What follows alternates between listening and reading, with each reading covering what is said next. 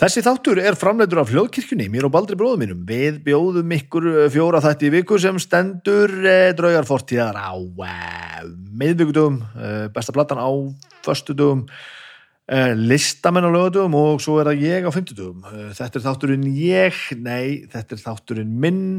Ég heiti Snæbjörn og ég tala við fólk. Þetta er þátturinn Snæbjörn talar við fólk.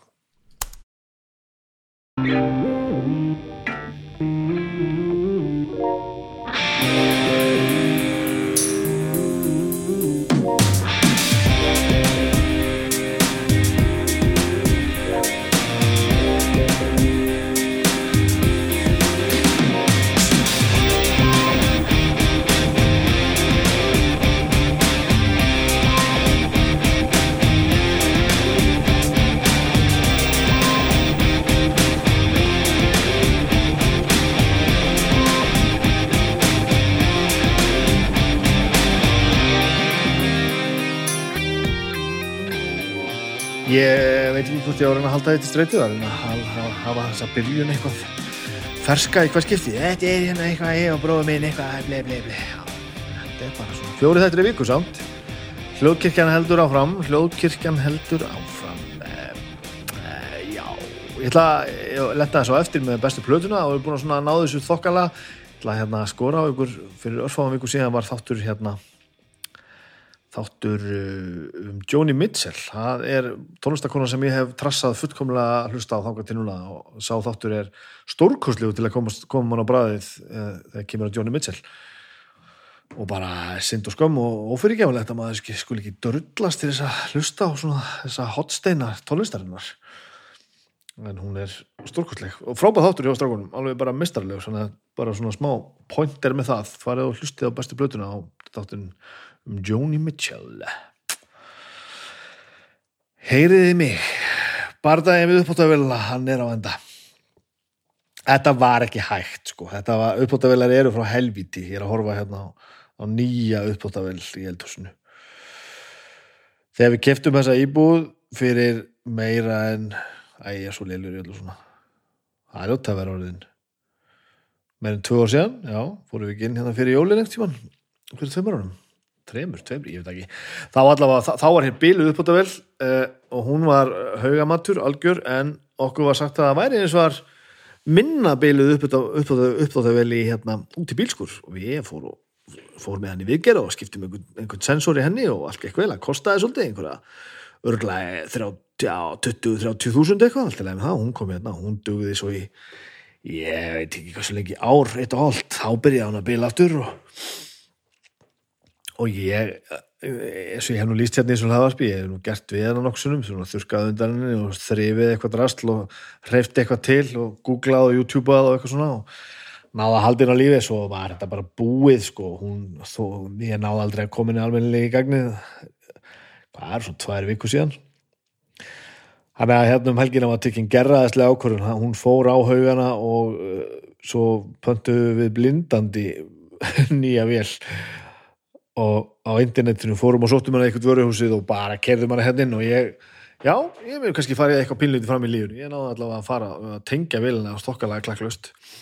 Hún er hérna og hefur búin að, búin að þóa nokkra ringi og lífið er alltaf aðeins betra. Þannig að þetta er lífið er ekki þessi virði að eyða því í ónýttar uppbútavilar eða engar uppbútavilar í, í, í það minnst að þeim eru börn sem eru brjálæðingar þá er maður ekki að, ekki að spara í uppbútavilum þannig hér er nýju uppbútavil ásakið. Það er nú þannig er það nú mig, við skulum ekki vera að tegja þennan lópa á lengi sko. E, tölum nú að þessum samstarfsæðilina okkar hérna, Flyover Æsland komið þetta með mér aftur, það er nú jákvæmt og gott.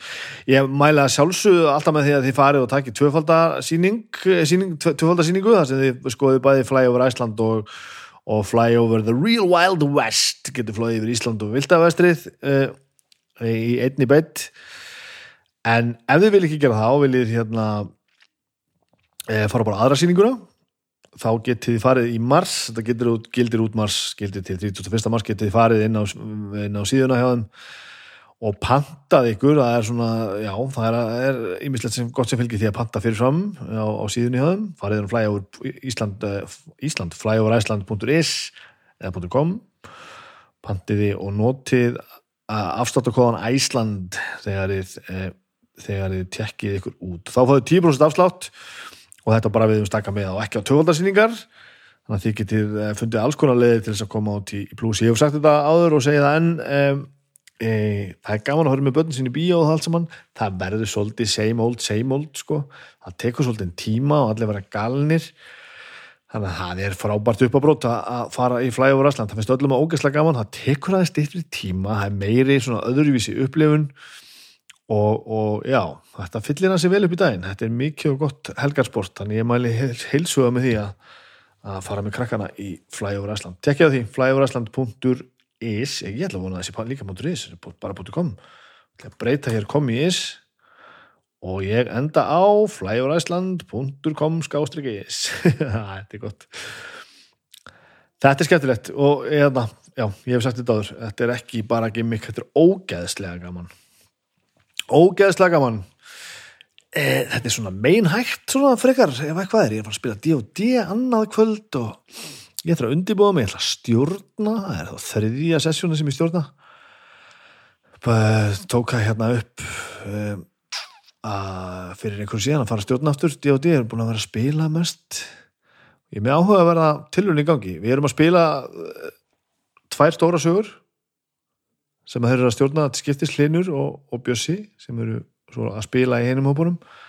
Eða svona velgengur í það mesta þannig að það er svona að vera rótira því og svo kem ég inn sem svona einhver einhver svona eitthvað uppábrót X-faktor gefa hinnum frí og svona. Og ég er núna að vinna mig gegnum uh, ævintrapakka frá stelpu sem heitir Kelsey held ég.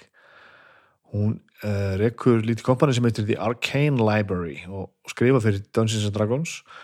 Og ég er að vinna í gegnum svona hryllingsævintýrapakka. Hún uh, já, þetta eru átta stök ævintýri sem þó tengjast pínulítið sem að maður má að sjálfsög gera bara það við sem maður vill en þau eru sem sagt á fyrsta fyrir karakter á fyrsta leveli sem sagt fyrsta, fyrsta æfintir fyrir karakter á fyrsta leveli, svo á öðru leveli þriða æfintir á þriða leveli svo á fjörða, fymta, sjötta, sjönda og áttunda leveli.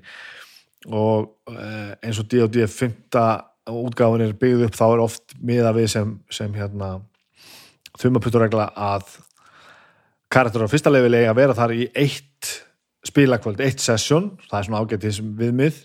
Fara þá strax eftir fyrsta sessónu upp á annar level.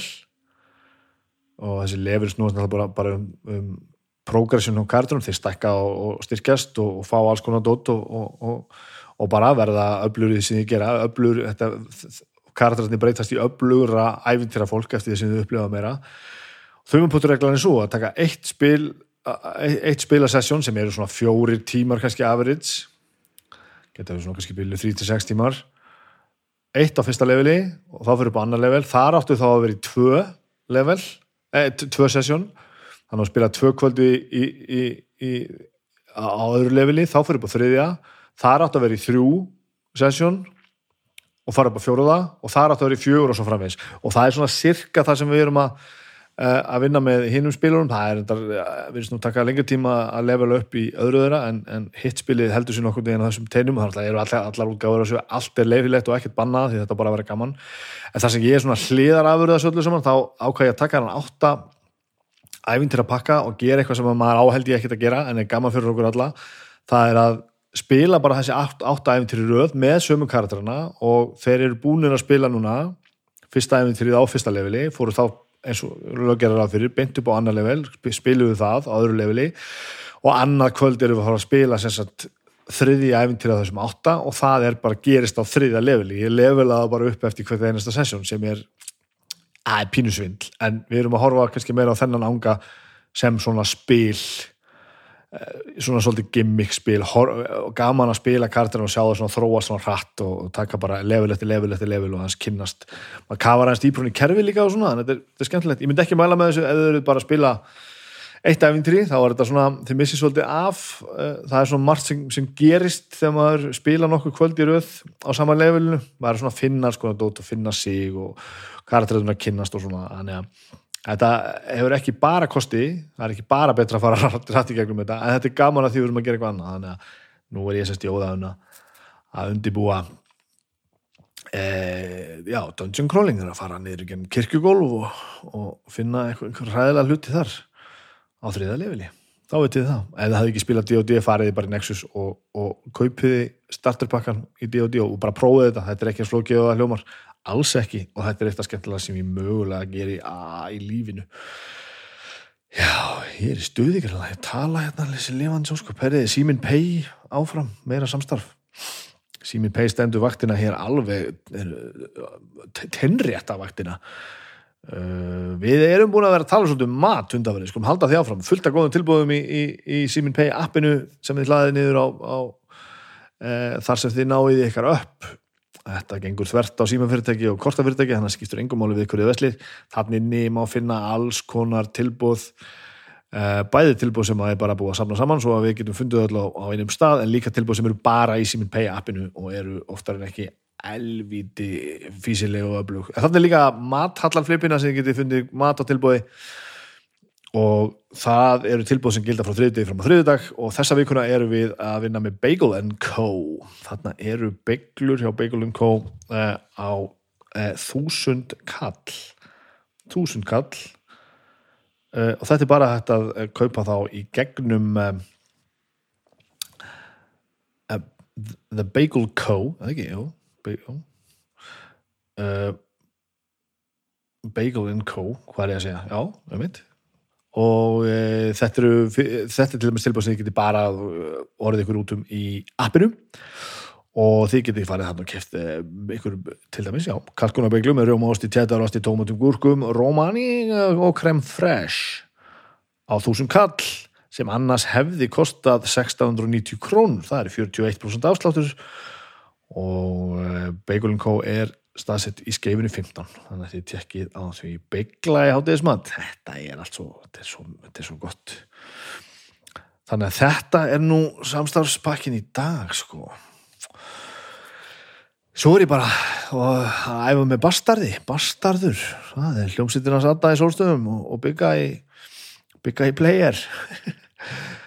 Um, við erum búin að boka gig farið inn á Uh, Spotify farið inn á þá tónlistaveitur sem þið notið að einu mæli þegar þið eru búin að hlusta á þennan þátt og hlustið á á, á breyðskifuna Satan's Loss of Son með, með Bastardi sem að Addi tók upp með Big A þeir tveir teljast vera Bastardur en svo þarf að spila þetta live og þá eru við nú með uh, menn. Addi ætla bara að syngja þetta byggja svolítið upptökið við að reyka flugfélag þannig að Ari Steinarsson trómuleikari sem hann er ensými og stríða sko með 42, hann er að tróma þetta. E, þrási þráin átni skálmaldarmadur, minn maður hann hafði nú spilað svolítið af einhverjum floknum pörtum inn á plötuna fyrir þetta hann, hann spilaður gítar. Ég ætlaði að spila þetta á e, e, ég ætlaði að spila þetta á uh, bassa, en svo kom Gísli Simonsson bassaleikari svo róðursett til dæmis og sagðist að hann spilaði á bassa og þá sagði ég, ok, þá spila ég þetta á gítar. Og allir ætla bara að syngja. Og við erum bara búin að boka gegg og nú er bara, bara Bastarur Reykjavík Tour. Við erum að vinna með svo ég farin rétt með þetta end upp dagatali hérna. Við erum alltaf að spila bara í mars sko, fymtudaginn 10. mars ætlum við að spila á Lemmi og förstu daginn 11. mars ætlum við að spila á Dillon það er frýtt inn og gaman þetta verður mjög gaman og ég er aðeins búin að vera hérna já, svona ég spila, hef spila meira á, á bassa og minna á ramaskítar undan farin ár, þannig að ég hef svona hef verið aðeins að að græja þess að græja mig upp og já, náttúrulega allt til alls sko, já, náttúrulega hérna Gibson Les Paul gítarminn sem ég er búin að eiga frá því þjóna síðustu öll og hann gerir nákvæmlega það sem hann á að gera í þessu. En ég fór að svo stúvan í vikunum kifti mér íkólasir pedal til þess að bústa þessu upp gamla Jósíam 800 magnara hundin minn. Núna er ég að horfa í hvaða noisegate ég að kaupa. Ég er að setja saman pedalabretti ég þarf snúrur, ég þarf ramagn ég þarf, nú þurfum við hluti sko, þannig að ég er að græja mig all verul upp. Og svo er ég að gera það upp fyrir mig að því á þennan gamla jálk, Marshall Jósíðam 800 ég held að það sé 1983 árgerð. Þetta er svona svolítið vintage og þar, þar að leiðandi orðið gamalt. Hann er allur uppröðulegur sko og ég geti fengið alveg slatta peningu fyrir, fyrir hann ef ég vildi það, ég ætla aldrei að selja hann. Það er enda svo að ég nú rakið sögu þessa magnara frá því að hann kom til sko Balli Ringsteð í Exit 8, það er akkurar hljómsitt einhvern tíman sko late 80s ég veit ekki hvort að hann kefti hann nýjan, ég hef ekki hugmynduð um það. Gummisvafa sem er mér í halvvitunum kefti hann síðan af Balla einhvern tíman hann kringu 90 eða eitthvað. Gummi seldi mér magnaran og heimur ramaskýtturinn sinn sem ég ánú að þá einhvern tíman hann mid-90s eða eitthvað, ég veit ekki. Ég var aðalega að kaupa þetta gumma ég fekk þetta í pakka, gítar á magnana til þess að fá gítarin að því ég seldi Bubba sem núna með mér í skálmöld og við vorum þá saman í ljóst sem heitir Invortis.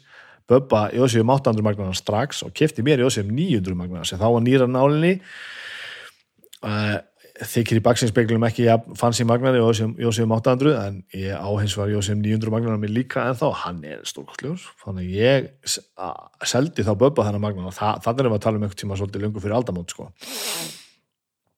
e, við flyttum síðan hinga sögur og höldum að spila eitthvað Bubbi hætti svo bara að spila tónlist en hafði gítarmagnaran sinn bara einhver staðar undir rúmi eða eitthvað, ég hef ekki hugmyndum hvað að gera við þetta. Þanga til að við stopnum skálmöld mörgum árum setna, 2009 ef að segja það 2009 eitthvað lesi og þá kemur Bubbi með magnaran á æfingu uh, líður ekki alveg nú vel með hann eitthvað, það passar hann ekki alveg hann, selur þráni átnæg magnaran og þráin átni spilaði með hann í árdaga skalmaldar fekk sér svo eitthvað nýtt gifti Mesabúki Rectifier og eitthvað svona og átti þetta alltaf til. Þessi betur fyrir þegar hann ákvaða hann alltaf að losa út ykkur græður og ákvaða að selja Jósi um 800 magna og þá let hann mig vita og ég get ekki hugsað mér eftir alla þessa vitandi alla þessa uh, forsu magnaðis og hafa, hafandi áttan og hann hefur fyllt mér og, og vinnum mínum í svona langa tíma en ég keift hann af keiftan af þráni á sínum tíma. Og núna á ég hann og hann er búin að svona, við erum búin að nota hann í upptökum og hann er á skalmandablötum og hitt og þetta. En núna er ég sett komið með henni fullan nótkun að spila með bastardi. Þetta er langu formáli á því að segja hann er sett í upprönnulegu ástandi og er, er, er já, þetta er svona ákveðins afgreipur. Eitt galli er af gjöf með hennar magnana að hann er næstu því ónóttæfur að því hann er svo hrikala hávær á þessum útgáðum og þessum mögnunum er að þannig að þú, þú stillir, það eru tveir takkar til þess að hækka svo ég tala nú bara mannamál annar ha, hann heitir Gein og hann hækkar ef þú hækkar hann í bot þá er komið mjög, mjög mikið overdrive svona, svona, svona já, drive sound svona þungar rock sound. Ef þú hækkar hann lítið þá er allt svona dring og, og, og hérna já, svona, svona alltíðulegt þannig að við viljum alltaf hafa það í botni en af því að ég er að spila þungarokk en af því að það er sett í bot þá er líka búið að hækka mjög mikið í magnanum og hintakinn hann heitir voljum og hann er til þess að hækka hljóðið sem að ég er búin að búa til með hinumtakkanum þannig að ef ég er með mjög látt í hinumtakkanum og allt svona dring, svona fest og flott þá er það kannski mjög hátt og þá þarf ég að hækka með hinumtakkanum voljúmtakkanum, en að því að geintakkin er í botni eins og ég vil hafa hann, þá er allt í löðrandi botni, þannig að ég þarf að nota allar mína fínustu fínsefingar til þess að hækka eins lítið ég get og þá er líft inni það sem magnarinn er. Gallin við það er eins og að sá að þessi magnarinn virkar ennþá betur ef maður er búin að hækka báða þess að taka mjög mikið. Þá kemur flottasandið en þá er bara ekki hægt að vera í sama postnúmeri Þetta er búið til að meðan allir voru alveg brjálar inn í 80's að búa til uh, rosalega flott tungarokk. Það sem hægt er að gera er að fara með til þessa magnana til sérfræðinga sem að gera smá aðgerir á þeim og bæta við einum takka, það sem getur sett þessa takka bara eiginlega báða þessum í botn, komið með góða sándið á allt og miklu blasti en sátakkið til mastervoljum og þá er þetta lækka í öllu drastlinu án þess að hljóði breytist á þessu eru tveir augljósir vankantar.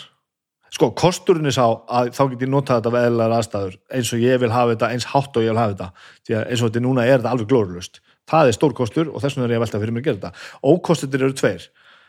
A það kostar svolítið að breyta þessu. Það þarf að gera smá aðgerð á magnunanum það er ekki, ekki stórkostleg upphæð en enga sigur, það eru útlátt. Og þau eru aðeins sálrænt erfiðari þessi útlát vegna þess að því ég er búin að gera, láta gera þetta við magnanum minn, þá er ég búin að lækka hann í verði af því þá er, er hann ekki lengur upprunalegur.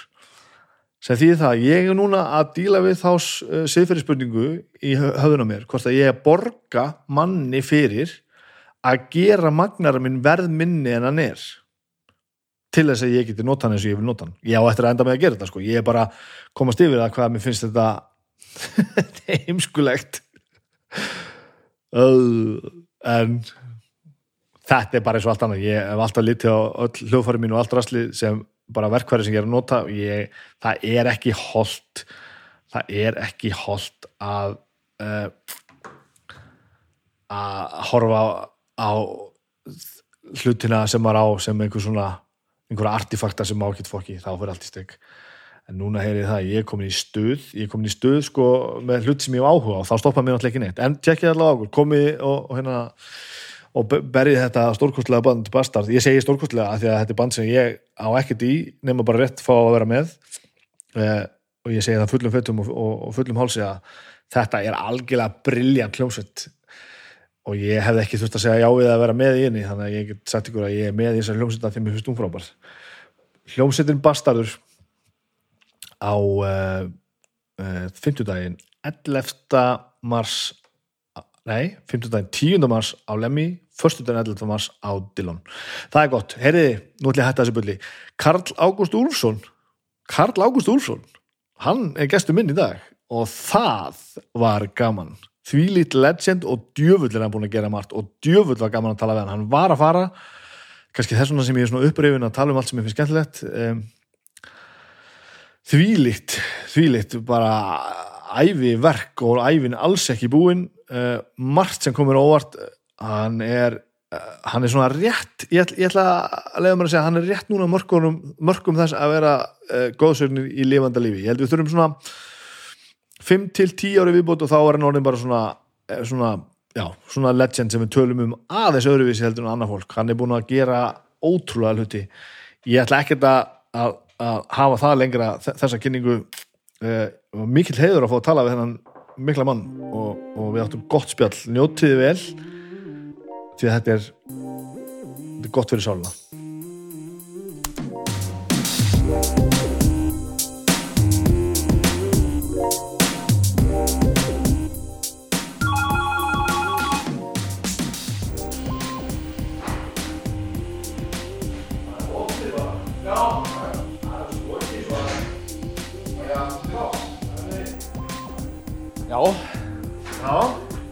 ég er bara búin að kveika, þú mútt taka þetta snála þegar þú þórir já, þú mennar og við skulum bara er náttúrulega.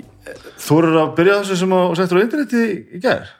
Já, já. Er það, Þannig ég, ertu, já, já, ég svo sem kannski er ekkert með neitt sko, mikið mér upplýsingar en, en þar komið fram en hérna, en ég get alveg talað um það. Fyrstalega er þetta satt? Já, já, þetta er alveg, alveg hérna ég lasi þetta örugglega svona þrísvar sko. Bara svona, já. þú veist. Já, af því að þetta svona hljómar þetta hljómaði svona eins og þetta var eitthvað svona punchline sko. já, en svo kom ekkert punchline og það var bara lístu þessu bara fyrir mér? Fyrst Já, að- já, ég var þarna, var stættur í New York og var, var hérna í, að stoppa þær nokkar daga. Og uh, vinkona mín sem að þar býr búin að búa í ára tíu, hún hérna uh, gisti á henni. Og hún býr þarna rétt við, við Hudson eða þar í Grend uh, við, við þarna við uh, Riverside Park og ég fór bara út að ganga einn daginn, var búin að mæla mig mót við, við hérna gamla skólabróðu minn sem alltaf hitta mig eh, í, í, í á, þarna á Manhattan. Eh, grendið, grendið óperuna. Og ég vissi að þetta er bara fýtt göngutúr. Ég verð svona kannski 40-45 mínútur að lappa þetta. Að ég ákveð bara að fara gangandi. Og það kemur allt í innu ég staldra svona við er eitthvað horfið fyrir ána og það kemur allt í innu eldri maður. Og hérna gefur sér að tala um mig ég held fyrst að hann væri eitthvað ruglaður. Hann segir, segir hérna, kemur oft hingað? Og ég segi, nei, nei, ég er bara þetta er í fyrsta skipti. Ég hérna, gisti hérna í grendinu og langaði til að rölda mig fram áni hann sagði, já, merkilegt, ég er nefnilega búin að búa hérna í e, bara í næsta nákvæmni við hann garð í hvað 15 ár, ég hef aldrei komið hingað. Já, já, og svo hérna hugsaði, já, ok, þannig var að losa mig við hann kall einhvern veginn, ég ne- nenni ekki, nenni ekki að hérna, lenda á einhverju kjaftatörn hérna, ég ætlaði bara rölda í róliheitum og njóta veðblíðunar en hann slefti mér ekki og fer svona að, að hérna, spyrja mig hver ég sé og hvað ég geri og svo framvegis og verður ofsalega áhuga samur þegar ég segist að rítvöfundur ok, og, og Íslendingur, já og reynist sjálfur vera sví hann er eftir að svíi? Já, já. Alveg rétt.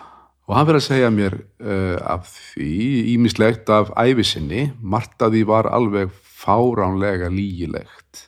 Byrjaði hann bara að segja þér svo bara svona upp úr já, einsmanns já, já, þetta er svona greinilega svolítið sérstakun áhengi hann hérna, já, já, fór að segja mér hluti. Og lengi hugsaði ég á, já, já, þú lígur þessu nú alveg eins og langur til því að þetta getur nú ekki verið. En hann var að segja mér frá æsku sinni fjölskyldu sinni í Svíþjóð alin upp í Malmö. Og, og svo sem sagt, störfum sínum fyrir, fyrir uh, sænska sjónvarpið og uh, svo f- fljótlega best Úlof Palme í, í tal og hann segir að þeir hafi orðið miklu vinir á meðan að Úlof Palme var, var ráðherra og, og hann var sjálfur starfandi á sjónvarpinu í frettamennsku í þá fréttamennsku, já, já, já. og hérna á fréttamennsku og, og svona pislahundur Já. og þeim lent, lent heiftarlega saman uh, þessum, þessum ágæta manni og Úlof Palmi og, og hérna og einhvern, tí- einhvern tíman hafði, hafði hann mm, verið með sjónvars, eða pistil í sjónvarpinu þar sem hann gaggrindi Palmi afskaplega hart. Og hérna og það ringi síminn á sjónvarstöðunni um leið og útsendingu líkur og hann er kallaður í síman og þar er Palme ekki alveg sáttur við sjálfur? Sjálfur? Já, já. ekki alveg sáttur við hérna uh, hvernig hann hafði farið með hann. Og þeir fara nakkrífast og enda með því að þessi viðmælandi minn orgar í síman farðu til helvítis og skellir á. Og það var bara að hljóðnaði alltaf fréttastofunni því að fólk var vitnað þessu. Og svo líða svona fimm myndur þá ringi síminn aftur. Þá er aftur kallari síman og hann tekur upp tólið og þá segir Palmi gott og vel, en hvernig er best að komast ángað það er að segja til helvítis spyr hvaða samgöngur sé í bóði og upp úr þessu urðir Perlu vinnisaðan og hérna og voru, höfðu mikið samband. Og hann gerði fyrir hérna uh, Palmi hluti sem ég ætlum ekki að vera uh, að rekja hér. En, en hérna en, sem hann sagði þér frá þá já, já, sagði mér frá já, já, já. og hérna og hann segir mér þessar sögur. Og hann verður að segja mér sögur af uh, því þegar hann er sendur til Östur-Evrópu uh, var, var um tíma í gamlu Júgoslavíu og svo í Östur-Þýskalandi uh, sem fréttarittari. Og þar var reglan svo til dæmis í, í, í já, viða þarna austantjalds að, að fjölmiðra fólk þurfti að að eh, hérna, eh, vera gefa mjög nákvæmna skýslur eða það var mjög vel fylgst með þeim hvaða fréttir þeir vera að senda frá sér Eh, þeir þurftu oft, oft á tíðum saðan að smigla filmum og, og, og myndum sem þeir tóku uh, vestur yfir því að það, það, það var ekki ætlast til þess að þeir segðu neitt annað en að hér væri lífið bara í, Já. ljúft og, voru að og gefa skýslu sem þarlendis Þarlendis, já. já, já. eh, einhverjum fulltrúum yfirvalda og þannig eh, eh, hérna, hann, hann sem sagt talar eh, rúsnesku, hafði lært rúsnesku þetta er bara svo tinnabók sko. Já, já, já, og hann kemst í kynni við þennan yfirmann KGB Vladimir Putin. Og, og hérna og fyrir vikið vegna þess að hann hérna talaði rúsnesku þá sendi Putin alltaf túlkin út úr herberginu þegar þessi maður gekk inn svo þeir getur bara að spjalla saman rúsnesku þau þau þau geta túlkan eitt á svipum aldrei sem hann já, uh, ég held að þessi sé nú svolítið eldri heldur, en, heldur en Putin er í dag já. og hérna uh, og þannig tók, tókst með um kunningskapur og það gerðist eitt og annað sem að hérna bara var hreint með ólíkindum. Um, og, og, og sko ég, bara svo ég segi það, ég ætla ekki að segja söguna í, í smáatriðum en, en hann sagði mér sögur af Putin sem að voru sko tilhengin til þess að hlæja hátt og tröllslega og, og, skella sér á lær. Og bæði af, af honum já og aðalega af þeirra samskiptum. Einhver svona kjá- kjánalægt eða svoleiðis, Já, nei, svona- hann hafði bara verið svolítið, hann er ga- svo, sko, svolítið prakkari þessi maður, hann, hann hafði gert Putin svona svolítið skráveifur með því að, að kenna honum að segja setningar á sænsku sem að Putin held að þýtti, eitt en þýtti svo eitthvað allt annað. Og hérna, og já, já, Putin hafði gert sig að fýbli á einhverjum blaðmannafundi þar sem alltaf slá um sig með, með, með sænsku kunnáttu sinni að fundi með, með norrænum fréttamönnum. Og, og hérna, og það, það var svolítið kosturlegt. En hérna, en, en hann síðan, síðan gerist það, við eigum þarna mikið spjall og, og hann röldir með mér eftir þessum gardi og þegar að, að hérna, eh, og ég bara fyrir að hafa ofsalega gaman að þessu. Og ég fyrir að, já, já, finnst þetta margt alveg með ólíkjendum og eiginlega allt. Nema þegar að, eh, það komið að því að ég þurfi að fara að sveia inn á Manhattan og, og, og hérna til þess að hitta hennan eh, gamla vinn minn að þá spyr hann mig hvort hann hvort ég sé tilbúin að hitta sig aftur daginn eftir. Hva, hvað eru búin að, eða lögu tíma saman hana? uh, svona tveimur, kannski þremur klukkutímum. Okay. en það er bara svona róleg ganga og, og hérna og mikið spjall og stundum stoppað og, og sest á bekk og eitthvað svona. Og hérna uh, nema hvað ég hérna segi við hann na, veistu, ég eh, á erfitt með að ég er að fljúa henn til Íslands á morgun og ég eiginlega tek ekki sénsinn á því að, að hérna uh, að vera uh, já, ég vil, vil ekki, ekki ég hrettur um að falla á tíma.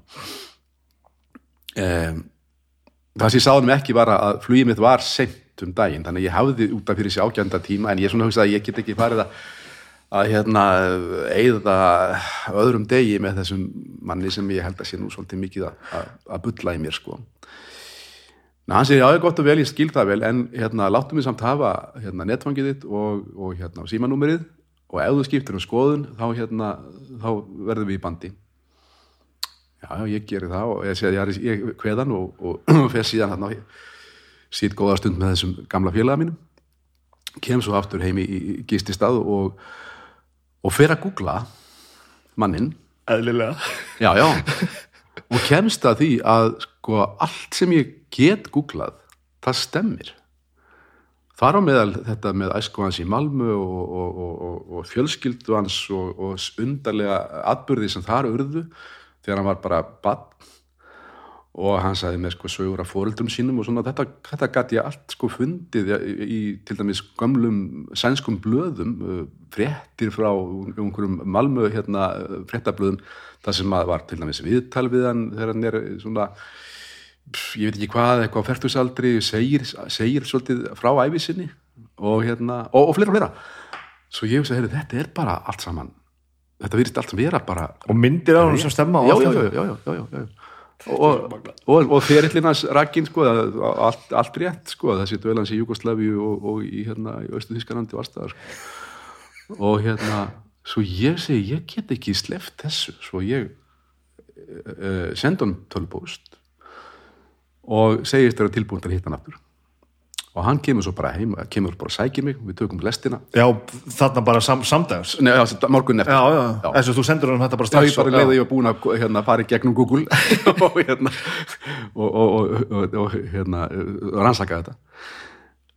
Já, hann sækir mér bara heima dýrum og við tökum hérna, lestina nýra á, á Wall Street og þar heldur þetta áfram bara. Hann heldur áfram að segja mér sögur af fólki sem hann hefur kynst uh, sumu mjög náið. Angelu Merkel, uh, Ronald Reagan E, var hann að monta sig? Nei, hann var um sig? sko? Já, sumt gæti alveg virka þannig hann væri að slá um sig Já. annað var bara vegna þess að það kom málinu við hann þurfti að droppa þessum nöfnum Eins og maður gerir. já uh, hérna, en, en hann, sko, hann virkaði ekki já, jú, jú, hann var, hann var svolítið upp með sér af sko kvennhilli sinni Já, hann hafði, hafði kynst frægum og, og, og fögrum konum sem hann hafði komist í mjög náinginni við svo námskeið neymdroppi alveg. Já, svolítið, já. En svo hérna hafði hann þekkt, uh, hérna, uh, hafði kynst Reagan uh, og, og George Bush eldri og Bill Clinton og fleira og fleira. Allt ekki um þess að frétta. Já, já, bæði, já, hann vísu, sko, já, hann hafði örglega kynst þeim í hérna, í, gegn, í gegnum starfið, en eh, svona hafði greinlega lag á því að að uh, gerast svona málkunnugur fólki sem að hérna að, jafnvel þurfti svo á þjónustans að halda Mm. uh, hann, hann sagðist hafa unnið svolítið fyrir Bill Clinton í gegnum Mónugu Lewinsky málið hefur þurft að gera hún greiða sem að, sem að hérna, hann hafði segið, já, Clinton hefði leitað til sína því að hann gæti ekki tala við hvern sem var um það hvernig ætti að leysa þetta mál og hvernig bara einhver PR-mönska, svoleiðis? Ha, einhver PR-mönska, eitthvað svoleiðis bara, Nei, nei, það var ekki það, nei, það var Ekkert svona það. ímyndaðar nei, það var, það var einmitt, það var einmitt eitthvað sem ekki mátti fréttast. Auðvitað.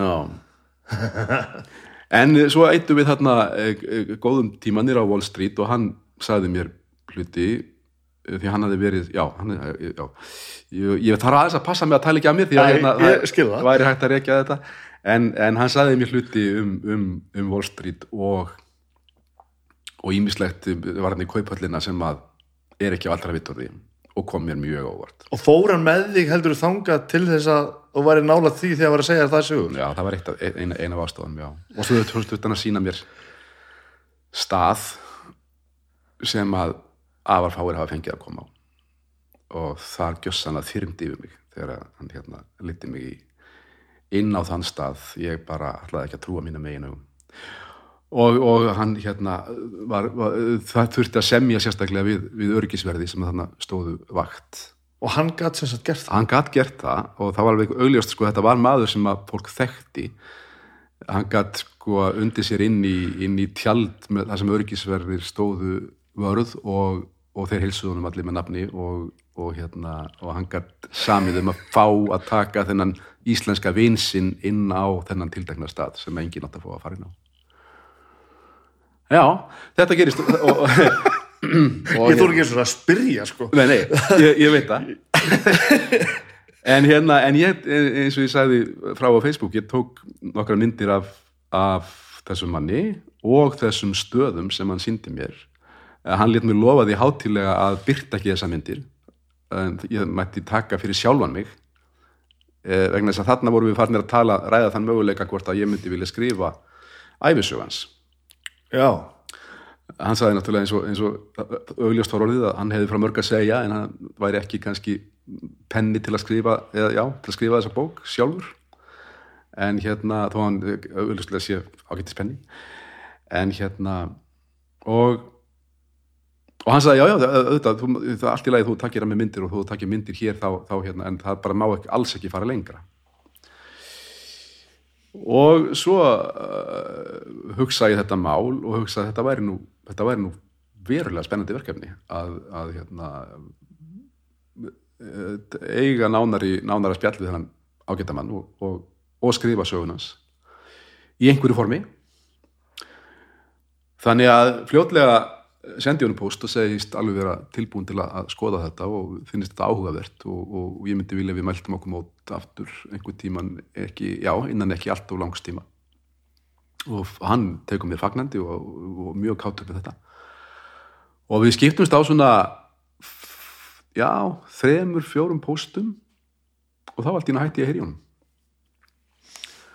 fyrir var löst þess að það var ekkert hann, já, já, hann, hann batt ekkert enda á, á, samskiptinu þannig en bara allt í hennu fekk ég ekki svör.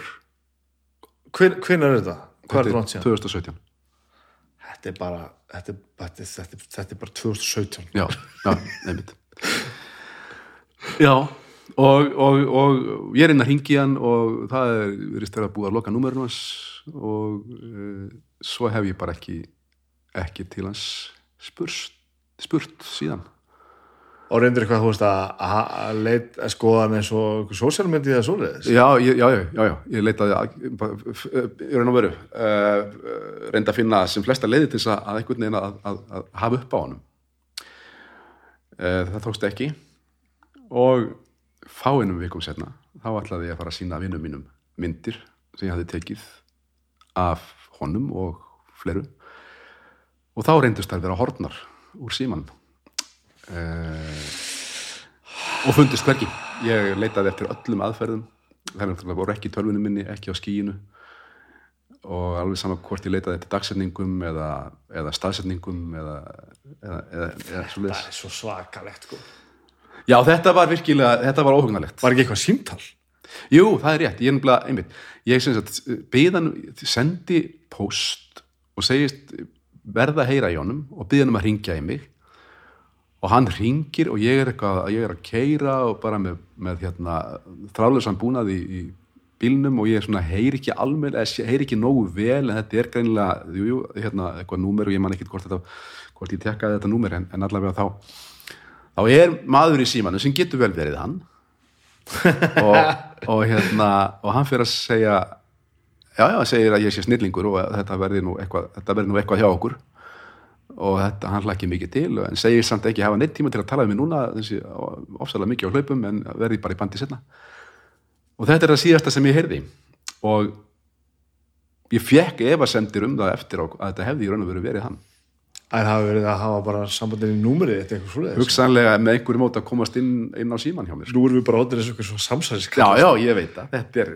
Og hérna og ég ætlaði aldrei að trúa þessu ég hugsa að þetta hlýtur að vera klaufaskapur í mér ég hlýta að hafa einhvern veginn klúðrað en þú veist, ég meina þetta voru held ég fimm dagar síðan stoppaði New York og það er ekki ein einasta mynd uh, uh, sem að hefur varðist Frá allri ferðin. Allri ferðinni. Ekki bara þetta. Nei, það er bara hreinsað út Og, og ekkert annað. ekkert annað, allt, ég finn allt annað Þetta er svo rosalegt. já, já já, þetta er, þetta er Og, og ertu bara að skoða þetta eitthvað? Eitthvað fordæmi við eða þú veist, eitth- aðrir sem land? Er þetta að vera... Já, ég hef spurt hérna, kunningja mína sem eru vel að sér í tölvumálum og, og, og slíku og þeir segja náttúrulega ég hef bara aldrei heyrt þetta áður en auðvitað vita menn að þetta er hægt Já.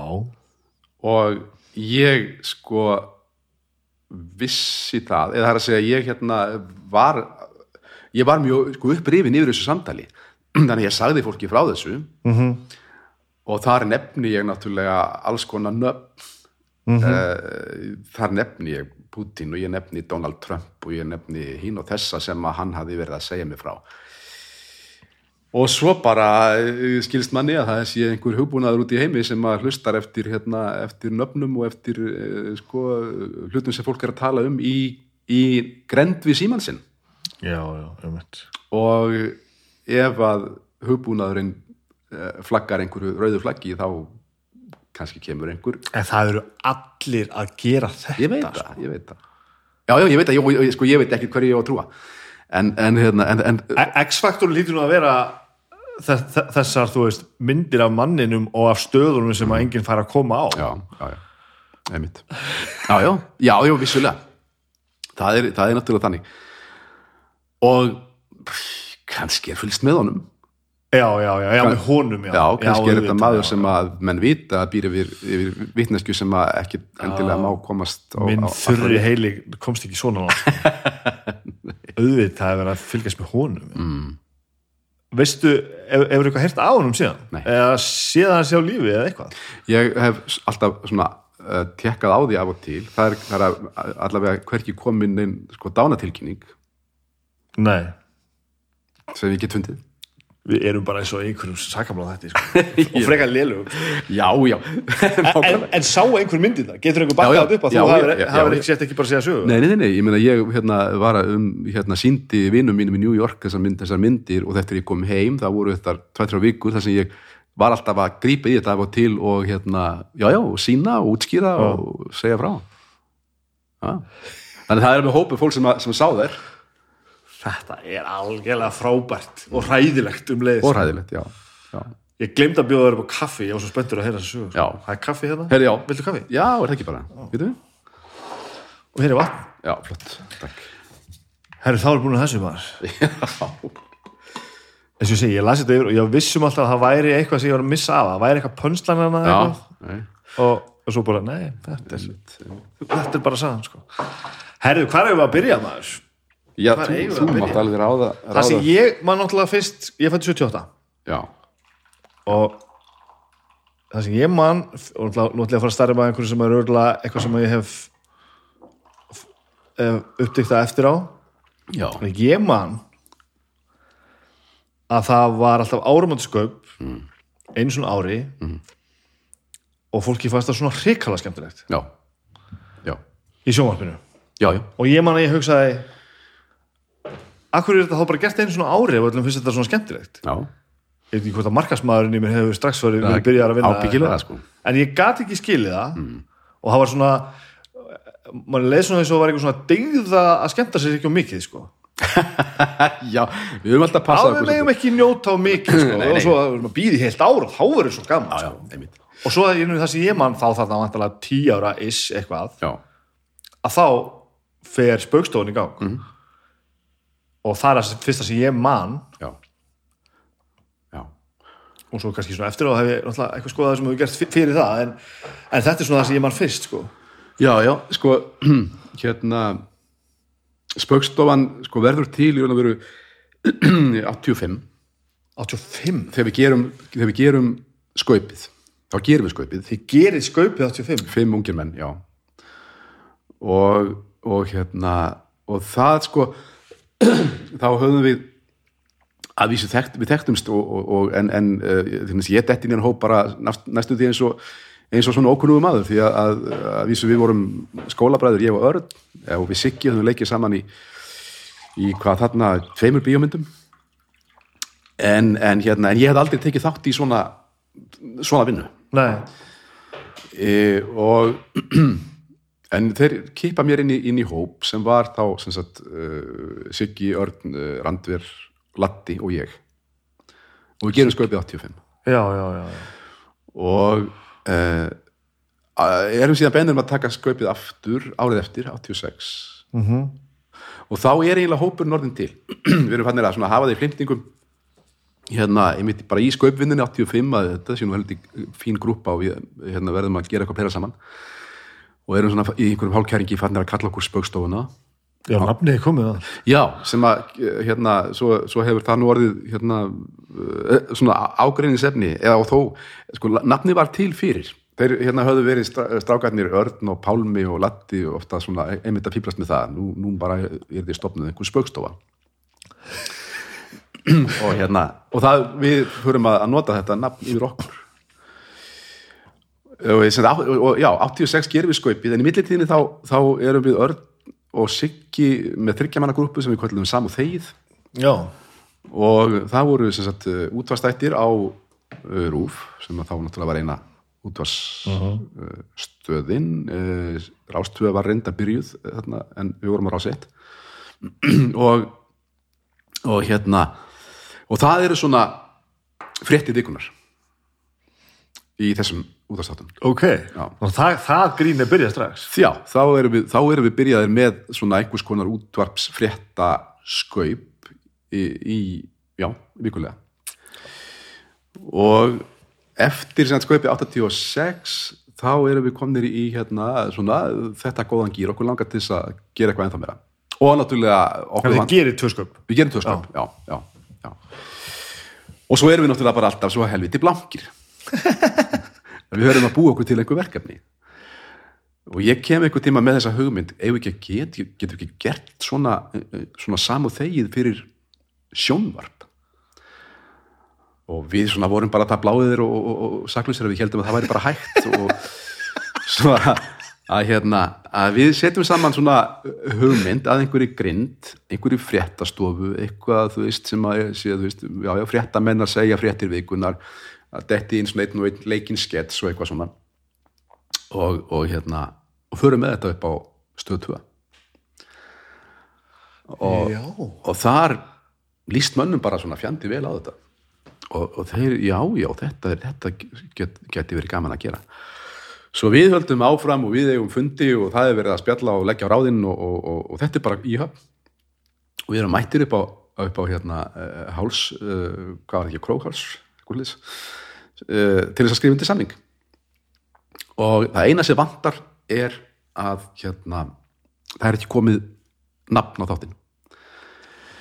Uh, við komum með, með hugmyndina Imbakassin uh, Var það ekki notað eins og? svo var það notað nokkur múlið setna Já, þetta þessi saga er ekki búin Nei, vegna þess að svo hérna já, uh, dagskastjórin þá er endi hann svona mm, já, veltir vöngum og sér Imbakassin þetta er svolítið neikvætt er það ekki, það er svona verið að gera, gera lítið úr sjónvarpinu segja að sjónvarp sé fyrir imba og, og þeir sem horfa á séu imbar og eitthvað svona og nei, við skulum finna eitthvað skára býðum aðeins, við vorum bara konum með pennan í hendunar ætlum að fara að skrifa undir samningin stráka, býðum aðeins, setjum réttan títil á samningin allt í lagi, svo við hendum einhverjum hugmyndum á millokkar og engin frábær.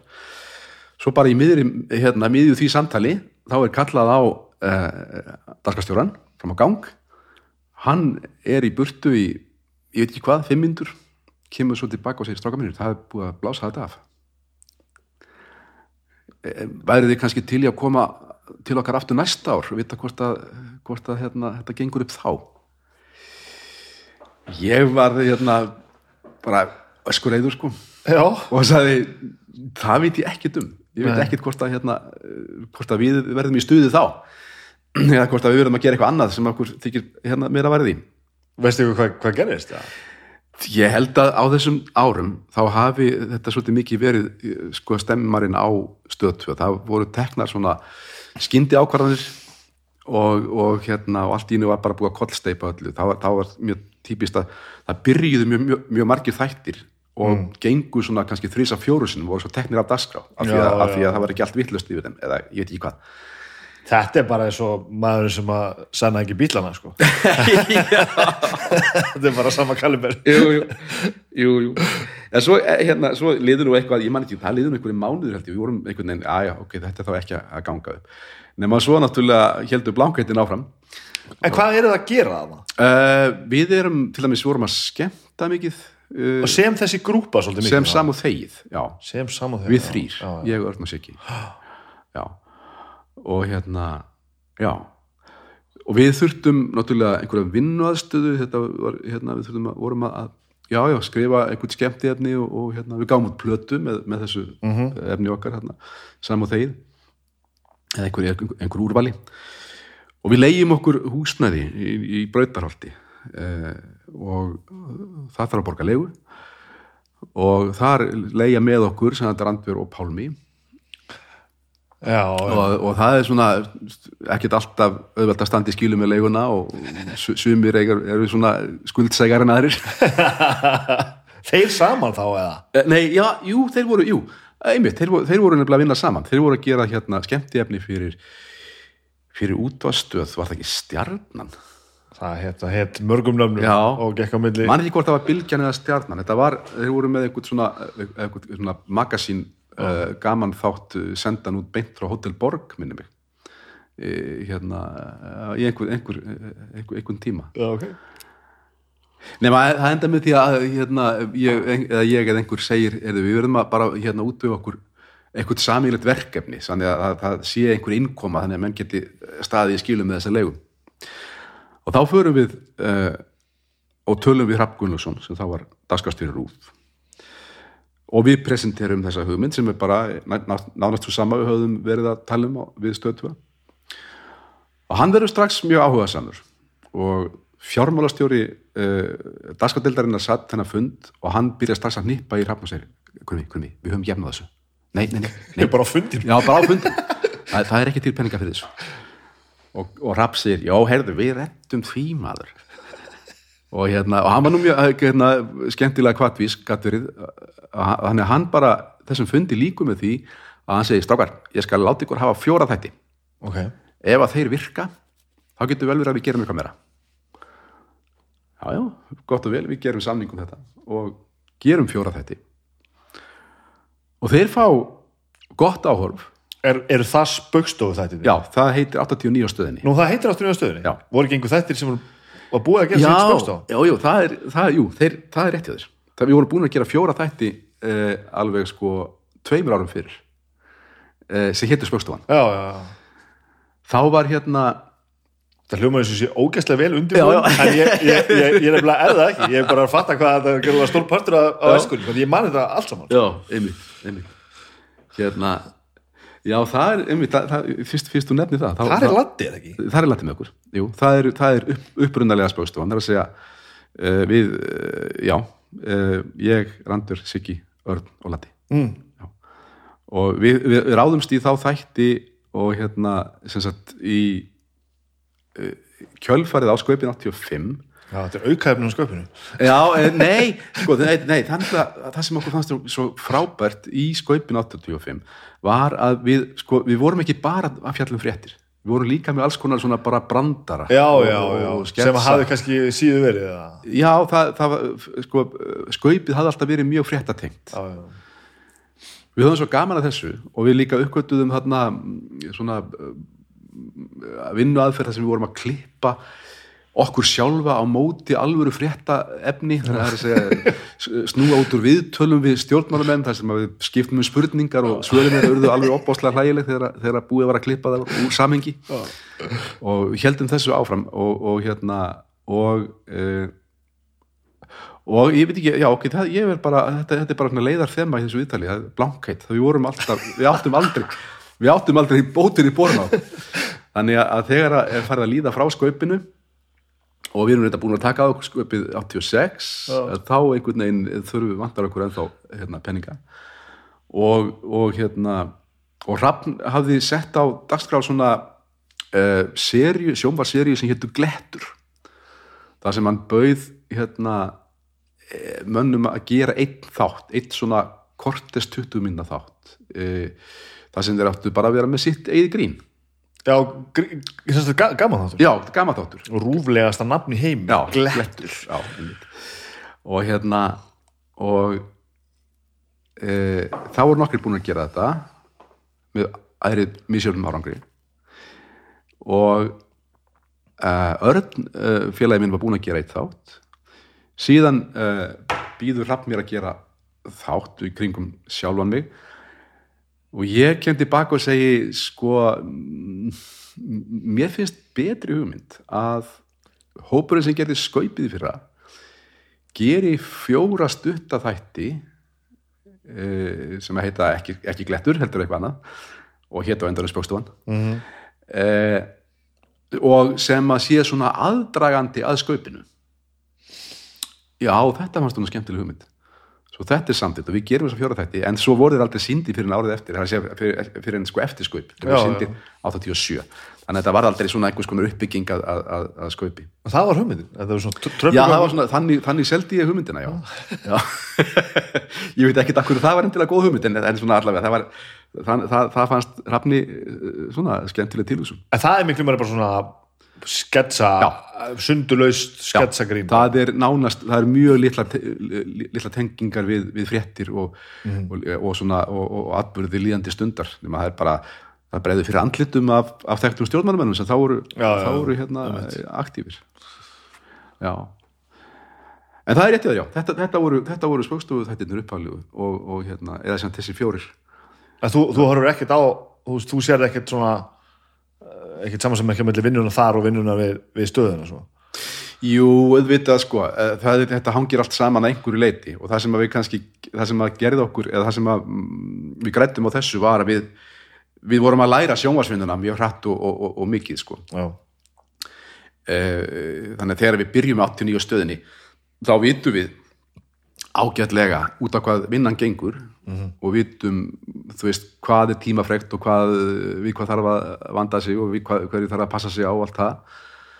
Og vorum svo frábælega hefnir við fengum reyndasta producent sjónvansins, Tage Amendrup fyrst, sá fyrsti sem að, hérna, já, fyrsti, fyrsti uh, upptökustjóri sjónvansins eða einn af því fyrstu.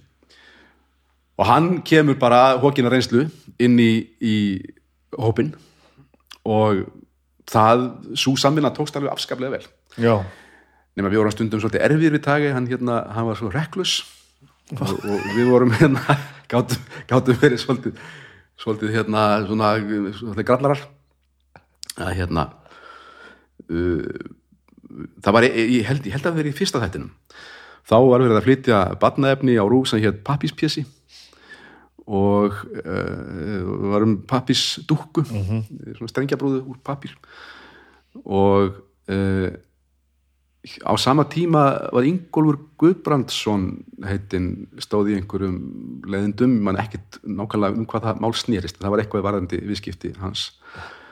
Og við byggum til atriði sem að hétt Pappís Ingó. Og var sem sagt, var sem sagt hérna brúða í, með andlit af Ingólfi Guðbrandsinni og en samskonar svona strengja brúða úr pappír og svo lendi pappís Ingo í alls konar remmingum í þessu atriði og svo endaði með því að honum var hendi í ruslið af því hann var svo lélugur pappír segir, segir sögumæðurinn þetta hafði einhvern veginn farið fram hjá tagi og svo fyrir þáttun í loftið því að hann var upp, uppalega var var tökutímið þannig að við tókum upp á föstudugum og fram að hátti og laugadugum svo var þátturinn kliftur og fór í loftið um kvöldið Ha? Já. Allt rastlið? Já. Og það var einmitt þetta sem að, að hérna, sko, sjómas fólk saði alltaf við okkur þetta er ekki hægt. En við vorum bara nógu vitlega til þess að halda því fram að þetta væri hægt. Já. nema hvað svo hérna fyrir þátturinn í loftið og, og þegar við mætum í vinnu í vikunum á eftir þá, þá er tagi algjörlega miður sín. Segir að hérna, þetta, fólk hafi tekið þetta afskaplega nærið sér með Ingól Guðbrandsson að, að, hérna, að, að það hafi beinlinis verið sagt í þættinum að hann væri lél úr pappir og, og hérna og hann sagði að þetta Ingólfur er nú vinur minn og ég, mér þykir mjög leitt að, hérna, að þið skildu láta þetta fara svona. Já, já, ok. Við hérna tókum það inn á okkur, eða tókum það inn. Nema upp frá þessu þá byrjuðum við alltaf fyrsta þátt eh, hvers vetrar á því að skrifa einhvern svakalega skets um Ingól Guðbrandsson bara til þess að hrella dag Sem var svo aldrei, aldrei var svo aldrei, var svo aldrei notaður sko. en það, það kannski bara við settum í, í gang fyrstu tökuna og þá fóru rónarnir að tala um hann og segja eitthvað svakalegt um hann og, og daginn fölnaði Var hann alltaf með ykkur aðstæðar? sko hann, náttúrulega, hann var bara með okkur í tökum Já. já, nei, hann tók ekki þátt í neinni, neinni forvinu Nei. en, en, en, en vinnan fór vel að þannig fram að, hérna, að við áttum uh, svona tvo tveggjadaga hugmyndavinnu uh, fund, eða hugmynda, já uh, hugmynd, uh, hugmyndavinnu. Síðan uh, tók ég einn dag í að skrifa handritið -hmm. og ég átti fund sem sagt, með öllu starfsfólki sem sagt, á já, átti, átti klukkutíma fund með, með, hérna, með upptökustjóra og öllu, öllu, öllu teknifólki eh, til þess að undirbúa tökudaginn. Þannig að þú kláraðir alltaf handriti já, og það var alltaf handrit. Alltaf. Alltaf, já, já, magnað. það var, já, já, þetta var þetta var hérna, þetta var, þetta var alveg skrifa frá orðið til orð sko. Og röðin á þættinu ég allt saman líka. eh, ekki til að byrja með til að byrja með, þá, þá röðum við þættinum upp eftir á, eftir, eftir tökur. Mm en svo fór ég að hérna að haga skriftunum þannig þegar áleit að ég var fann að skrifa þáttin alltaf í réttir röð. þá ég fannst betra að hafa einhvern veginn þá eh, tilfinningu fyrir svona jafnvæginu í, í þættinum að ég væri sagt, geti hort yfir yfir handritið í heilsinni þegar, þegar yfir lauk og, Já, já, já. og hérna. Förum að séu þetta aftur. Þið hittust, hugmyndum. Já, og, og þú farið þetta í einhverju svona nótuformandi bara til þín eða bara einhverju minnispunktum ég, ég, bara, skrifaði alla punta Ok. niður og, og ekki reyndar alla nei en ef, ef, ef, ef okkur þótti einhverjir ekki sérlega góður þá þá ég því Já. en já, ég skrifaði, skrifaði niður alla, alla punta sem að, og hugmyndir sem komu Ok. og, og Og menn það búin að vera svolítið í vinnunni við það að reyna að upphugsa eitthvað sem getur verið sniður og mæta með það á fund. stundum og stundum ekki sko. Já. stundum mættu allir bara blankir það var, engin hugmynd og ég var farin að hafa svona, svona hérna, sérstaklega setni árin af því að sko þetta var auðvitað svakalega mikil vinna. Og, og hérna ég svona fór ekkit opbóðslega vel með mig þarna lengi framann, þá var ég að vinna á næturnar og, og, og, þá var ég líka í, sko, að sinna öðrum verkefnum. Þannig ég kannski, kannski var að byrja að vinna klukkan 11 á kvöldin og skrifa Já, já, já. skrifa fram á, á morgun. Og, og en svo fór ég að, sá ég að mér, sá, sá ég eh, sko gæti þetta ekki, þetta, ef ég ætlaði að lifa þetta af og þannig að í setjum tíða var ég fann að, að, að hérna eh, bara horfa þetta á klukkuna og segjum að kannski á þriðjudegi eh, þá þurftu að vera komnar fjórar eða fimm brúglegar hugmyndir fyrir hátegi annars voru við í vondumálum Og það er bara svo basically byggt á, byggt á reynslu bara. Já, einmitt. Ég, ég hugsaði, ok, já, klukkan er að vera 12 og við erum komin með, já, ok, fjóra hugmyndir. Jú, þetta er, þetta er allt í lagi, svo höldum við áfram eftir hátti Þetta tempo er ómannlegt. Allt í lagi, ég skil þetta alveg eh, eina viku og svo aðra viku og, og svo jafnvel fjórar í röð og, og svo jafnvel tvo mánuði sko. en, en þú ert komin á þriðja og fjóra ár er þetta Mm. ekki bara Þetta tók, það, það, það fór orka í þetta ansi mikil. En áhugin einhvern veginn alltaf nægur og Já, dræ- dræfið alltaf. og dræfið, sko, það og líka sko, adrenalínið er, það virkar svolítið svona, sko, það er að, að, að því við, við vorum, þetta var alltaf svo tæft að ná þessu. Já, já, þetta er með deadline í sjónvarpi. Já, já, já, það er þessi góðu kvati já, já, það er það. En, en þetta, þetta reyndar sko, þetta gatt klikkað og, og við lendum í því oftar en einu sinni að þátturinn fór ekki í loftið á réttum tíma. Ég man eftir því einhvern tíðan. já, já, að það var bara, það var bara kyrt uppfyllingarefni á meðan maður verið að klára klipp og hljóðsetja Já, já, já.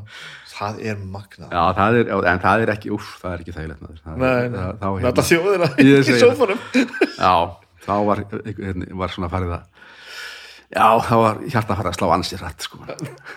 En þessi fjóru þættir og, og rapp, sprakk þetta bara strax? Já, sko, hérna uh, við vorum nokkuð ánæðir og við, sem sagt, ok- okkur já, ég held að þetta hafi hefnast þokkalega ég svo, við svo náttúrulega fór okkur fram og við gerðum hérna, miklu betri þætti eftir þetta En vinsalvalega séð. já, ég held að við höfum bara náð mjög flottu áhorfi strax Já.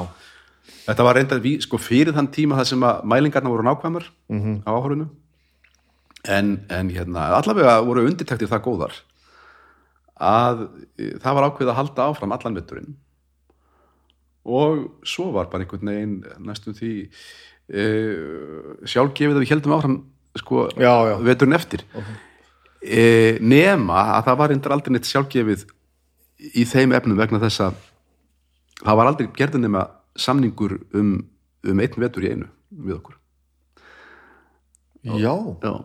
og þess vegna hérna, þegar við kláruðum vorin þá höfum við ekki hugmyndu hvort að við erum aftur Alltaf? veturinn alltaf, það var alltaf þannig Undarlegt. Já, það var mjög undarlegt og það, var, það, var, það tók líka svolítið á sko.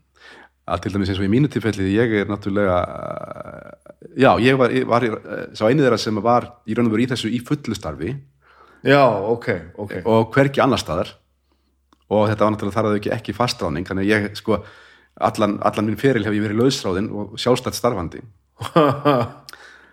og það var, það var hérna, og hefur alltaf verið svolítið erfitt að vita aldrei meir en kannski mestalegi hálft ár fram í tíman hvað maður er að fara að gera Nei, nei.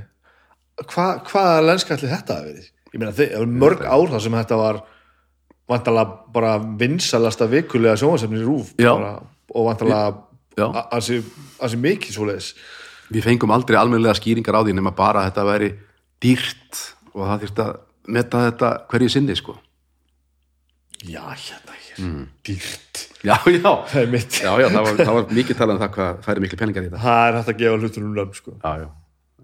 Áhugaður En alltaf ákveða að halda áfram? Já, Og þið líka? Já, við hérna ég man ekki eftir því að við höfum haft efasemdi þá við svona einhvern veginn hugsuðum alltaf í lok hérna hvers, hverjar er vetardagskrár já, þetta er búið að vera skemmtileg rússipannareið og já, já, alveg til ég að gera þetta Og alltaf frí á milli náttúrulega. Þannig að maður getur glimt öllum já. slæmu stundunum og, Já, já. og, og, og, svona tala sér trúum að þetta sé gáðulegt Já, alltaf frí á milli nema að við, sko, eh, við fórum stundum í leikferðalög um landið í, Sem spöggstofan Já, já, Það hefur verið kyrt á þetta maður. Já, það var heldur betur. Og það var, og það var sama geðvikinn, sko, þá, þá hérna þá æfðum við kannski upp síningu á uh, einhverjum, bara ekkert allt á löngum tíma. Og lögðum svo bara út á þjóðveginn. Og þá var, þá var leikið á, á hverju kvöldi sko. það við tókum kannski þryggja vikna túr í kringum landið og það var ekkit einasta fríkvöld. Það var leikið öll kvöld. Já, já. og stundum tvær sýningar á dag. Þannig að það var svona, já, já þetta, við, vorum, við vorum ungir og, og, og, glannalegir á þessum tíma En vantalega að sjá árangur ég meina þegar þið, voru náttúrulega bæði vinsalir og frægir og, Já, já. og, og náttúrulega einhvern veginn að búið til feril já, já, já, já og já, sannlega og bara líka einhvern veginn, við, við, þetta gekk allt saman upp hjá okkur Já. það var ábyggilega að blanda hefni og eljusemi og, og, og svona einhvers konar hérna, já, uh, metnaði kannski. Endar þetta ekki alltaf á því auðvitað þarf auðvitað þarf maður að vera með góða hugmynd og hefni hjálpa sko. en endar þetta ekki alltaf á því að, að það bara vinna helvits vinnuna? Jó, það þarf að gera það. Það sé alltaf betur og betur eins, eins, eins óskaplega að maður vil trúa því að bara já, maður geti sleiði gullaðina og þá bara sé þetta allt saman sé allir vegir, vegir breiðir og, og beinir framundan þetta er ekkert þannig. Og það Nei. endar alltaf með því að það verður að grafa skurðin alltaf sko. Skilja það, er, og það er bara svo líðandi sko. það getur tekið á, já, já, já, en hvað kemur þetta allt saman? Veist, hvað er þetta fættur og, og, og hver, hver er grunnurinn þinn? Já, ég er hérna ég er fættur í í Reykjavík -hmm. og uh, fóldar mínir voru unglingar þegar ég fættist Hvað kallar úlinga? uh, þau voru 17 og 18 ára Já, ok. og uh, fyrir vikið uh, sko, ég hef aldrei hérna, talið það ógæfu í mínu lífi það að hafa átt svona unga fóreldra þetta var frábært fólk Voruð þið saman? já, og þau voru saman Já. í 65 ár Ah. Talandi um vinnu, Já, já. það hefur En- ekki verið bara... Nei, þannig að, að hérna að þau voru, já, uh, en, en auðvitað uh, þurftu svona aðstöð, ég var mikið hjá öfum og ömmum mm -hmm. að minn og amma eh, í, móður fjölskyldunni voru bændur í Reykjavík og eftir að ég fættist þá voru þið ennþá með fjárhús í, í Nýlauganissi Já, ok. og hérna svo sem töldist ekki bændur lengur þannig sinni, maður bara frístundabændur en, en, hérna, en samt með tennan litla búskap og, og Afi var, var hérna vörubílstjóri og atvinnubílstjóri alla tíð Þannig að þú áttir alveg stível, sem sagt. já, einmitt Já. já. og e, hérna og ég var mjög mikið hjá þeim og svo hjá föður e, hérna Afa og Ömmu sem að- byggu norður í Hrútafyrði mm. sem Afi var kennari við Reykjaskóla Ok. og þau uh, voru síðan unnu hjá veðagerðinni á sömurinn það var þetta langa og, og, og, og hérna langa sumarfrí kennarans sem að nýttist að menn, gáttu verið í, í, hérna, í sumarvinnu líka. Já, líta fríið í eitthvað, eitthvað gálega. Já, akkurat, akkurat. Og ég fylgdi þeim uh, með hérna, sko yngsti bróði pappa er jafngamall mér. Það var mjög hendut að hafa okkur saman. Ég þurfti bara að hugsa þess. Já, já, já, já, veit. og þannig að við, við fylgdum þeim í, í, hérna, í veginn vorum í, í vegavinnu uh, á sumurinn, ég held ég hafi farið ánga fyrst í, þetta var vestur í Dölum. Þetta hafi farið fyrst í, í veginn bara pff, hvað, fimm ára, sex ára eitthvað svoleiðis. Já, böndi mínu fjóra og sex ára, ég, þau er ekki að fara í vega neina vega vinnu, sko. þetta var rosalega hérna, gott, gott líf sko. Já, og lærdómsíkt, ég meina það var ekki allt, allt, allt frábært en, en bara, þú veist ég kynntist þessu svona hvað ég segja svona, á, á köflum hrissingslega kallasamfélagi sem eru sko vegavinnu flokkurinn og uh, það var ímislegt látið fjúka sko sem að hérna sjóara samfélag. já, svolítið, já, já, svona kallar saman í skúrum að hérna að vinna eh, langa vinnudaga mm -hmm. og svo framvís eh, en þannig að ég samt er, er hérna eh, já, þetta eru svona fyrstu árin svo er ég síðan, er ég tíjar og gammal þegar við flytjum í Mosfells sveitina sem það var Ok. og er þar í, í tíu ár þannig ég sé að flytta, flytta heiman hvað, hvað 19 ára Sískinni? já, ég á tvær systur yngri, sem báðar eru yngri en ég Já. og uh, þarna var sko þarna var náttúrulega þetta var ennþá sveit. Mhm. og hverfin sem að þarna voru að byggjast voru bara, bara pínu lítil þannig að þetta voru bara svona, þú veist tvær eða þjár götur hvert hverfi fyrir sig Já, já. og, og, og svo bara opnir móar og, og, og Naglaspýtur. og naglaspýtur út um allt og opnir húsgrunnar og svona fullir af vatni Fullir af vatni? Já, þannig að hérna, það, það, var, það var fínt sko, ég, var, það var mjög hérna, ánægilegt, ég var hérna, átti mjög gott líf þarna, þessi tíu ár -hmm. Mhm. frá tíu til nítján Já. og þá hérna þá sem sagt kemst ég inn í leiklistarskóla Íslands sem þá var til. Þannig að stefnan er strax þarna bara. Já, uh, ég byrjaði að leika í, bara í barnaskóla. Ok. ég held bara fyrsta veturinn minn í Varmárskóla í Mósisveit, þar, þar er, var ég með frábæran barnakennara áskýrði sem að, að ákvaða að láta mig leika.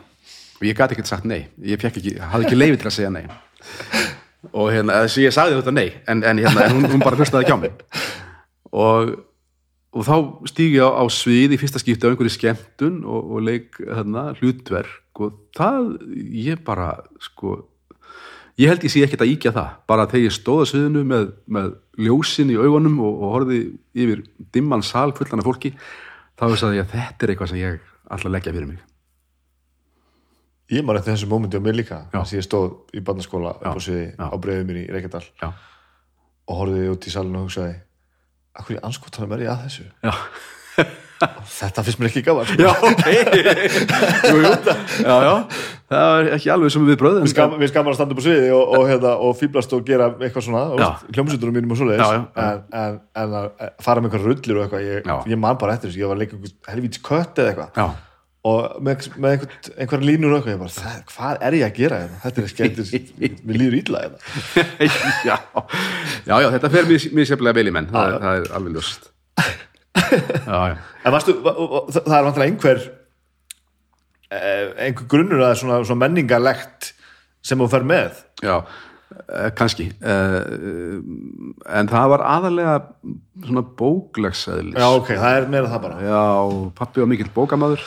Já, mikill hérna og uh, ómentaður hafði sem bara klárað hérna bara batnaprófið eins og það hér til því því að svo þurfti hann að fara að vinna. En hérna en mentaði sjálfan sig ótrúlega vel. Mm -hmm. þannig að hann til dæmis frábær enskumaður. Já. Hafði bara lært uh, ensku af, af lestri bóka og, og, og, og, upplettingum í orðabókum. Já alveg, það, það var bara svo leiðis en ég meina hann var það góður að, að þú veist, ég var sjálfur komin í háskólanám í bandaríkjunum og var enn að ringi pappa og, spyrja hann um uh, orð og orðatildæki sko, uh, sem að hérna, hann var mjög vel heima í. Þannig að það var aðlega það sem að og svo var, jú, reyndar, það var, það var mikil sko, mikil músík áhugi. Og ég var nú settur í tónlistaskóla þarna bara strax fyrsta veturum minn í, í Mosó. Mhm. og, og nýtt, eh, þú veist, góðs að því alla tíð. Ég lærði svona grunn, eh, grunn í, í músík og tónfræði og, og kann eitthvað Mhm. þó ég sé ekki mikill spilari. En, en hérna en þau voru, já, þau voru mikill tónleika fólk að mæta tónleika? Já, já, já, já, symfóníu tónleika sérstaklega. Já, já, já, já. Og ég hérna fór að fylgja þeim eh, svona fljótlega. En það merkilega var að það var ekki til það var ekki til plötuspilari á heimilinu fyrir en ég fendist Já, ok. þá hérna, þau hefðu átt hérna, spilara sem ungt fólk svo bara gafst hann upp og þá líklega voru ekki, ekki til peningar fyrir nýjum Já. fyrir en að ég fekk fekk í fermingagjöf svona lítinn Philips monofón já, þú fengið peninga fyrir það í dag maður. Heldur betur maður. Já, það var flott, það var ræðislegt. Og hérna uh, já, þá fórum við að þá, þá, þá, þá byrjuðum við að aftur að spila plötur á heimilinu. Og frá, bara frá því að þú stekst á svið í barnaskóla er, er það beint stryk bara að þú ætlar að fara að læra vera leikari? Já, ég held að ég verði bara að viðkynna það. Uh, ég, hérna, ég var ekkit endilega að, að segja öðrum frá því. nú? Nei, það, mér fannst það eitthvað vandræðilegt. Sko, ég talaði um þetta við pappamömmu að, hérna, að ég hefði áhuga að, að verða leikari. Og þau sögðu, já, já, já, já, já, allt í lagi, en, en þú verður nú samt að læra eitthvað, eitthvað annað líka. til þess að geta unni fyrir Já, það getur unni fyrir mér. Akkurat. Það var alveg, og það, meina, auðvitað höfðu þið mikið til sísmáls, Já, það var ekkert hérna sjálfgefið að maður geti lífað því að, að, að lífað af listinni, mm -hmm. og ég er ekki ennþá. nei, þannig að þetta var, auðvitað, þau voru bara skinsamt fólk, dugnaða fólkar sjálf og höfðu alltaf hérna náða að sjá fyrir sér, bara með nógu mikilli vinnu og, og hérna, og, já, þannig að, að svona, þegar ég fekk þessi viðbröð, þá var ég ekkert mikið að tala um þetta, fyrir en svo að, að hérna, að það kom að því að ég þurfti að fara að segja um skóla. en hefur allavega haft það í þér að, taka þetta á leið? Já, já, já, já, já, já, og þetta auðvitað líka, veist, þegar, þegar árin líða, ég sko lék uh, töluvert í, sko, bæði í barna og gagfræðaskóla og þá er ég líka byrjað að skrifa uh, leikþætti ok. Og svo kemur mentaskólinn og þetta er svona bara ágyrist með hverju árin, þú veist, þá hefur farið að setja um stóra sýningar, ég fann að leika stór hlutverk, Já, fann að vinna með atvinnufólki sem kemur úr leikúsunum í Reykjavík og leikstýrir okkur og, og þetta verður alltaf meira og meira meira og meira spennandi sko. og svo að loka árið mitt í í MH eh, þá var ég uh, búin að vinna það mikið í hægin svona námslega séð ég átti, átti lítið eftir til þess að klára stundin þannig að síðasta veturinn þá leiði ég mér að, að, að, ráða mig sem statista og tónlistarmann í síningu þjóðlugusinu uh, sem að var sko afar sögufræk síning, Lér konungur. Já, ok. Já, í, hérna, í leikstjórn Hófanesjar Pílikjans, uh, leikstjóra frá Armeníu. Já, já, og tótti mikil, mikil tímamót í íslensku leikusi það var allt einhvern veginn eh, það fór alltaf annar endan eiginlega. Hafður þau bara einhvern veginn baktir hann inn Já, ég hafði baktir hann inn vegna þess að, að hérna, uh, ég var, hafði verið að vinna með fólki Stefáni Baldursinni uh, leikstjóra og, og Þórunni Sigurdar uh, bæði leikstýrt mér í MH og þau voru að vinna við sýninguna og þau svona höfðu einhvern veginn uh, já, ég uh, hérna það var engin pröfa held ég, neina, ég bara einhvern veginn bara sagðist vera til í að vera með og, og, þú bara vissu og fannst góður. Já, og hérna og þetta var eiginlega ótrúlegt vegna þess að ég hérna ég sko, ég er bara ráðinn til þess að vera, já, já, statisti, leika einn af, ekki hvað 12, 10, 12 hermönnum. Já, og hérna maður svo uh, fréttir uh, leikstjórin að ég spila á trompet. Sem þú sérst að gerðir? Já, já. Ok, og gerir það? Já, ekki, ég- ekki mikið lengur, nei. En, en ég, hérna, ég svona leiði mér að mér er farið allavega mikið aftur í, í, í, í þeirri spila með sko en hérna hann og hann segir, já, já, heyrðu, já, mér vantar eiginlega trompetleikari, get, get, já, og svo, já, já, ekkert máli, ég skal bara gera, svo bara mæti ég mér hljóðfæða næsta vingu og spila eitthvað, þetta var nú held ég bara aðlega spuni hjá mér og var bara voða lukkulega með þetta. Og svo er hérna bæ, veist, bætist við og trompetleikarin kemur við sögu í tveimur og þremur og fjórum atriðum og, hérna, spila alls konar fannför og svona. En þetta er ekkit, þessi sýning er ekkit hún er ekkit gaman Nei, alls ekki. Þannig að þetta er ekki það að þú sitt svo hress og skemmtilegur að sprelleika með lúðurinn. Nei, nei. Nei, alls ekki. E, og svo hérna uh, svo kemur uh, í ljós að, að það er hérna, bardagatriði og hann langar í eitthvað, eitthvað, einhverja músik með hérna í- undir, undir bardaganum og ég rýf fram einhverja trommu og fyrir að tromma og, og, og það verður á endanum músikin undir þessu atriði. Já, ok. Þannig að hérna, þetta var tölvöld mikið músik sem að, hérna, ég lagði til í þessum, þessari sýningu. Núna komum við að, eh, slóði sem við þurfum að kafa hans í Já. fyrsta lagi þetta til dæmis að þú hafi verið búin að koma í þannig við að þú var eiginlega búið með skólan með einhverjum áttur að vera búið með hann. Og svo þetta að, að rífa endar þessar hugmyndir svona upp úr kollinum á sér við allar aðstæður, óragur og einhvern veginn á þess að fylltir þessi mikið. Já, það er svolítið svona, maður upplifir því svolítið svoleiðis mann. Já, samanbyrð þetta að þú ert maður sem skrifaði alltaf handriti fyrir, fyrir, fyrir stöðuna Mhm. og þú ert, þú ert maðurinn sem sagði stráka við verum mega fyrir leigunni og, og, Já. og þú ert einhvern veginn bara einhver krakkaskítur upp á, á fjörunum á þjóðleikusinu að leggja til hvernig tónlistaratriðin eða vera já, já, já, já. Hvað, kemur þetta alltaf? Ég, og byrjar að skrifa einhvern veginn ég, ég veit það ekki, þetta er einhver, kannski bara einhver sjálfsbjarga viðletni. Ég, eh, hérna, eh, ég, sko, ég er hins vegar ekki, ég er ekki mjög, sko, ítinn eða, eða, hérna, ég er ekki mikið fyrir að tranna mér fram. Nei, þess vegna er þetta svo áhugavert Já, já. Ég, ég, ég hef bara ekki skilgrein sjá að mér nógu nákvæmlega til að svara þessari spurningu. En kemur alltaf inn í aðstæður og, og ert alltaf að velta fyrir hvernig þú getur komið með einhvern hugmynd eða, eða lagt þetta til málana eða breytt þessu eða haldið betur auðvitað um þetta eða. Já, sko, bæ, eh, bæði og. Eh, ég er ekkert endilega að hugsa um það hvað ég geti gert og, og hérna, en, en sko hugmyndin að koma bara einhvern veginn. Já, og þá, þú veist, oft slepp ég þeim lausum og hérna ég hef oft gengið inn á einhverja fundi og verið í óstöði og hugsa ég, æ, ég þarf ekkert að vera að tjá mig neitt á þessu fundi, ég ætla bara að þegja og hlusta. En Skulda áður en ég veit áður en ég veit að vera ég fann að segja eitthvað Já, og að fara inn að leggja eitthvað til málana En hvernig ertu þá að taka uh, hugmyndum annara? Sérstaklega að koma kannski gegn þínum og svona ég eh, ég hlusta ágætlega. Ok, og uh, ég hef lært að ég veit að ég var ekkert, hef ekkert alltaf verið þannig. En ég hef lært að með aldrinum að, hérna, að uh, hvaða er dýrmætt að fá hugmyndi frá öðrum? Já. Vel mælt.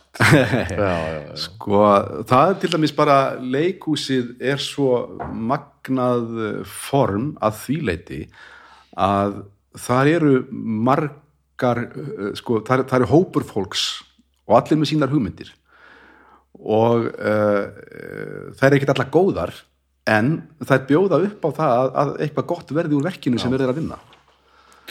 Og, og uh, það er til dæmis það sem að heitlaði mig sko við það að skrifa fyrir leikhús er það að, að maður skrifar eitthvað verk og það er ekki tilbúið þegar það fyrir inn í leikhúsið og er byrjað að æfa það heldur er verið að vinna það áfram. Í hópurinn er áfram að vinna verkið þitt. Og ef þú bara hefur vita á því sem höfundur að hlusta á uh, hugmyndir annara og hvað þeir hafa til málun að leggja þá áttu miklu meiri möguleika á að þetta verði á endanum eitthvað almennilegt heldur en sá sem bara lokar eyrunum og segist hérna eh, hafa gengið frá þessu handriti eins og, eins og hann vilji hafa það Einmitt. og vil ekki sjá hennar breytingar því að, að sko leikrítið sjálft er eiginlega ófullgert listaverk það er ekki fullgert fyrir að, að, að það er komið á svið og, og, og, og fólk komið í salin sko. ég er ekkert vissum að sé allir sammálaðir þarna sko. Það getur, nei, nei, ábyggilega ekki. Að, ég, ég er fullkomlega sammála. Mér, og öll mín vinna og ekkert bara við, við sko handrita gerð og, og það sem verður í framöndar af því hvort sem að það er sjónvarp eða, leikur sem hvað er. Líka bara tónlist og allt þetta dót sko. að, að mér finnst oft bara verra að vera búin að full hugsa allt þegar ég kem inn. Já, eins og, eins og þegar maður kemur nýtt lag á æfingu sko. bara ég, ég vil að þið, þið tætið þetta aðeins í ykkur sko. Já, já. þetta er mín hugmynd að þessu Já. en endilega takk ég þetta og, og hérna, hamrið aðeins í þetta sko. en svo sér maður aðra sem er að vinna með bara þetta er mitt verk, ég er búin að úthugsa þetta frá A til Ö og látið þetta í friði og meina, það er svo ekkert slæmt endilega um það að segja það virkar já, já og, og svo bara, mismunandi vinnubröð henda, hendar fólki sko. já, já, sjálfsög en, en, hérna, en ég, þetta er bara það sem mér þykir spennandi við, einmitt, einmitt, við til dæmis, já, leikusvinnu og svona hópvinnu í, í listum yfir lit. En tekur þú stjórnina þegar að það starf já, já, já, já. Hérna uh, stu, ég, hef- alveg lent í því að, að, að sitja undir einhverju, einhverju bulli og þurfa á endanum að segja, já, ok, flott, æðislegt, frábært takk fyrir þetta, en ég ætla samt að hafa þetta eins og ég Já, já, já, vildi uppalega einmitt. en sko, eh, en það, það gerist ekki oft. En ég man eftir svona einu eða tveimur dæmum þar sem að mér fannst einhvern veginn fara af stað einhver hugmynd Mhm. og stundum, þú veist, smittar fólk eh, hvað annað af einhverju eh, já, hugmynd sem að hljómar ekkert illa í byrjun og svo svona einhvern veginn ge- gengur og lengur og lengur og lengur og endanum komin út í eitthvað sem að Já, já, eh, þjónar ekki verkinu, sko. Já, en hérna en, jú, en, ég hef yfirleitt hérna, mjög gaman og, og sko og þegar ég eh, til dæmis er eh, að vinna sem höfundur í, í leikúsinu það er oft sko bestu stundirnar að sko taka, já, sko, umskriftirnar eru oft, svo- oft, oft svo bara miklu skemmtilegri heldur en, heldur en hérna, uppáflegu skrifin Mhm. þegar maður er búin að átta sig á því þetta er ekki að virka hjá mér já, en ég held ég viti hvernig ég á að laga það og svo fer maður í, í þá vinnu sem getur, getur verið jafnvel með, þá ennþá mér að gefandi sko. Vondu hugmyndir eru nefnilega svo mikilvægar sko. ég finn þessu í minni vinnu á auðlýsingastofunni þar sem allt snýst svolítið sérstaklega svona í, í, í hvað við kemur því sem ég er að gera svona texta og hugmyndasmiður já, að sko vondu hugmyndirnar það getur svo stutt í góðu hugmyndirnar frá þeim sko. en ef að vondu hugmyndirnar koma aldrei og þær eru aldrei látna, látna flakka einmitt. að þá er bara stíplan alltaf til staðar sko. Þannig að það er þetta að venja fólk og, og berja á fólki bara, nei, nei segðu það sem þú ert að hugsa komdu með þetta sko. Se, og skrifa því að vel niður og bara skoðum þetta. Einmitt. við vitum að þetta verður ekki gert. Þetta getur verið kveikjana sko tíu góðum hugmyndum. Alveg, alveg. Og ég var, einhvern tímann var ég að skrifa umskrifa verk eh, hérna fyrir einhverjum tveim-þreim árum. Og þá er ég á, í símtal við, við gamla skólasýstu mína í bandaríkjónum og hún er eitthvað að segja hvað er að frétta þér? Og ég segi já, já, ég er, bara, er, er að vinna í verki og búin að skila handriti en svo er ég, er ég að taka það tilbaka núna og er að, er að gera tölvöld mikla breytingar á því að, eftir, eftir fyrstu æfingarnar. Og þá segir hún hvað hérna, hvernig finnst þér það? og ég segi mér finnst það bara frábært. Já, ég á svo erfitt með þetta, segir hún. Svo ég segi, en veistu- það, mér mér finnst svo gaman að hafa rámt fyrir mér. Mm -hmm. og hérna þetta, er, var sko uppáhaldsetningin hennar. Eftir þetta. Sagði, já, þetta að muna. Ok, það er gaman að þetta er samt gott sko. Það er það.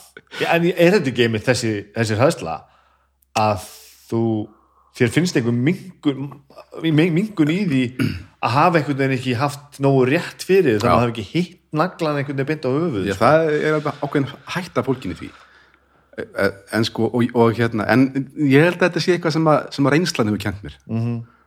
að það er ekkert að því að hafa rámt fyrir sér og það er bara oft bara mjög gott sko. það er bara, veist, þegar að, að, að hérna já, þegar öðru fólki, samstagsfólki tekst að sína manni fram á að mm, þetta virkar ekki alveg svona mm. þurfum, að, þurfum að gera eitthvað einhverja lagfæringar leiðum að sættist við þá hugmynd, þá er þetta bara þá, þá einhvern veginn það er, það er oft svo mikilvægur áfangi sko.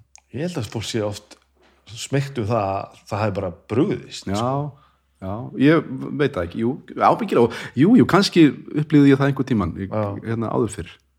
Þetta er ástæðan fyrir að maður tekur demo af músíkinni sinni. Já, að því þú veist, þú getur settið með kassagítarinn eða rammaskítarinn á æfingu eða hvað sem er og, og spila endalust Já. þetta er allt saman frábært sko. Já, já, já, svo bara leið og, og þú er búin að setja þetta niður á fast form og hlustar. Já, já, þetta er, þá fara einhver aðra stöður að virka sko. Já, þetta hefur verið betra svona. Þannig að, að taka fyrst upp eitthvað sem þú ætlar ekki að setja frá þér það er golden sko. Já, og ég átta það bara á sig bara, herri, þetta var rámt hjá mér sko. Akkurat. Ég á enn þá upp í upp í baki á bróðum mínum sko.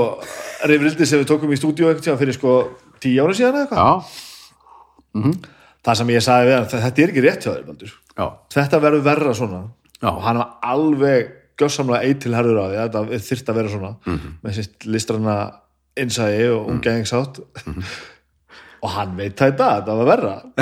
Já, já, ok. Að því að allir í kringum að sá bara, þetta er allt frábært Baldur og Já. þetta er ekki meikaða breyk, það, þetta er frábært sko. Já, en þetta hefði verið betra hins einn Já, og hann lærið það á því bara, já, það er satt þetta hefði verið betra hins einn og hvað svo? svo höfum við bara uh, ég meina fer fólk þá að taka eftir þannig strax? Þegar þú ert búin að vera hann inni að, að tjá þig inn á í, á þjóðleikusinu eða? nei, nei. Þetta, það, eh, sko um, þarna er ég ekki, ekki komin í skólan Nei, hún er alltaf að klára ég er að klára mentó. Og, og svo, svo byrja ég í leiklistaskólanum haustið eftir. Mm. og þá tekur bara við fjögra ára uh, stránt nám. Já, varst þú í einhver svona framkomi og svoleiðis? Já, já. Það, er, það er þá við það, það er á þeim tíma. Þannig að það er ekki, ekki þykir ekki við hefi Mjög er, já, vissulega. Vissulega. En hérna, ég, en sko, það var nú samt ekki strángar en það, ég mátti uh, uh, koma fram á sumrin. Já, Þann, þannig að hérna, bara með að það var ekki á, á skólatíma. Já, já, já. en hérna, og þannig að ég vann þarna tvö, eða, ég byrði þrjú sumur sem dagskrákjæðarmaður á RÚF Og hvernig kemur við þann inn? já, sko, það, já, það, Þannig er þetta nú helviti heilug stofnun. Já, það, það er vissulega, vissulega. Uh, en þá einu sinni bara held ég hefni, sko. Uh, hérna, uh, kennari minn í skólanum Sigrún Valbergsdóttir, -hmm. sem var leiklistar mentuð uh, uh, frá Þýskalandi, uh, hún, hún hérna var búin að vera að gera útvastætti og þannig að hún kunni svolítið á útvarpið. Og hún stingur upp á því við mig að, að hérna, hvort að við já, ættum að sækast eftir að, að gera unglinga þetta saman. Og það svona fannst þetta kannski hluti sterta við, já við tvö, hún með reynsluna, ég ungur og þetta er fyrir ungt fólk unglinga. Og hún allavega hlýtur að hafa haft þetta eh, hérna, styrk -hmm. að, að það, er ákveður á okkur Útvarp, sjónvarp. útvarp, útvarp, útvarp já, já, já. það voru svona einhverjir, ég man ekki hvað, það voru að 15. skvöldum Eh, allavega þetta voru, þetta voru hérna, þættir fyrir, fyrir unglingana um, unglingamenningin og allt þetta Hvernig þekkti þú? Uh, þeir héttu Púk og uh, við vorum bæði með, við vorum ekki, reyndar ekki með, mikið með pop en, en mikið að viðtölum við, við hérna listamenn, fólk sem var að skipuleggja uh, þú veist, tómstundir fyrir unglinga við vorum oft og yðurlega með, með hljóðnumannir á, á hérna Hallarisplani það sem að fólk var nú í misjöfn ástandi Árið eða hvað? Hva? uh, 1979 og 80 allavega Ég hefði alveg viljað vera nú hallarsplanið þá. já, já, já, já. og svo hérna og svo uh, gerðum við eitt og annað sem að var áhugavert og, og, og lærdómsríkt ef við fengum að sitja eina nótt í aftan í lögubíl Svörtumarju Já, ok. og fylgjast með störfum lauruglunar sem að náttúrulega þurftu oft og yðurlega að hafa afskipti af unglingum þannig að já, þar gerðum við gerðum eitt sem sagt, eh, svona þemaþátt um, um laurugluna og nótt í lífi lauruglunar sko. Og, uh, og svo vorum við að tala svo vorum við að, jú, jú, fjalla líka um unglingabókmyndir uh, svo sem, hvað sem var, þetta var bara svona Já. uh, blandaðu þáttur sem, að, sem, sem allt gætt gest vorum við ljóða, eh, nei hérna, já svona keppni uh, fólk, uh, ungt fólk mátti senda inn ljóð og jafnvel smásögur og sögukabla og svo veittuðu velun fyrir þau og, Já, ok, skemmtilegt. já, já, Og svo hvað? Svo bara, svo útskrifastu sem leikari já, svo útskrifaði síðan leikari og vantarlega miða við þessa sögur allar, allar orðin sæmilega tengdur í allar áttir. Ja. Já, já, alveg þokkalega sko alveg þokkalega, ég er svona þekkti orðið fólki í, í leikúsunum og, og víðar jafnvel og, og fyrsta sko sumarið eftir ég útskrifast þá er ég sem sagt, ráðin í tvær bíómyndir Var það líka hefni? Þú búin að nota orðið hefni mjög oft. Ég, ég held ég verð að taka það að þér. Þetta, Já. þú getur ekki skrifað alltaf hefni, sko.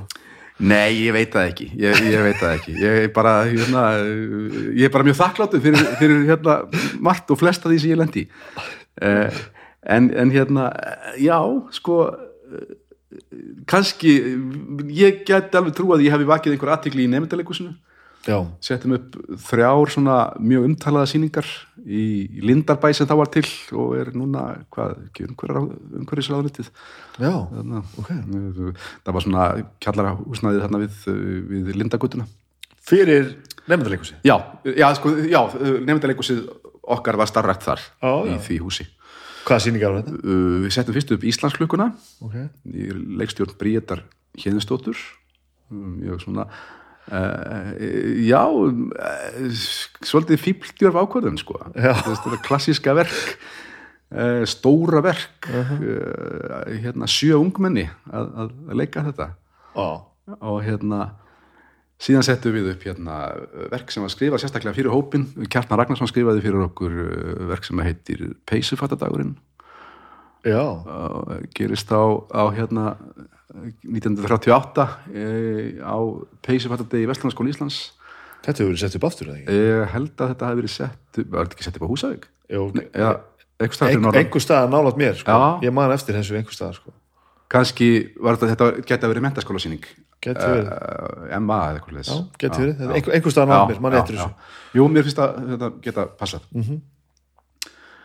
og þriðja verki sem við settum upp var hérna, það var Hallmar heitin Sigursson uh, sem að- leikstýrði okkur Ditti? Ditti og hann hérna hann, neða, Ditti á pappans eða ekki Jú. já, þetta er svona, svona Ditti Já, já, já, já, já. og hérna, Já, einmitt. þetta var hérna morðið á Mara eða Mara Sat Já. sem, sem að hérna alveg makalust verk hérna uh, uh, ger, hérna gerist á getild það sem að, það sem að vistmenn er að setja upp sögu, uh, sögur úr, úr fransku byltingunni Já, já. Og nefndarleikus í þarna vantalega alveg svona hugsað sem svolítið showcase fyrir já, það var það svolítið Já. það var það svolítið og, og hérna og þá, já, já, þá eflust, eh, kannski hef ég vakið aðtikli að einhver, já, að einhver leti en, en grimmur heimur einhvern veginn bara svona. Setja bara svona fólki í skólanum bara svona basically til sínis bara. Ja, komið og sjáðu hvað þið geta gert. já. en einhvern veginn þarf, þarf fólk að já, komast að já, ég veit það, það er þannig. Já, og hvað, hvaða kvikmyndir er þetta sem þú ert, sjanghæðar í þarna? Uh, þetta eru hérna bara pínlítið hlutverk sko. Þetta er, hérna, það er fyrsta lagi útlægin. Já, það sem ég leik Fíflið? ingjaldsfíblið já, já, já.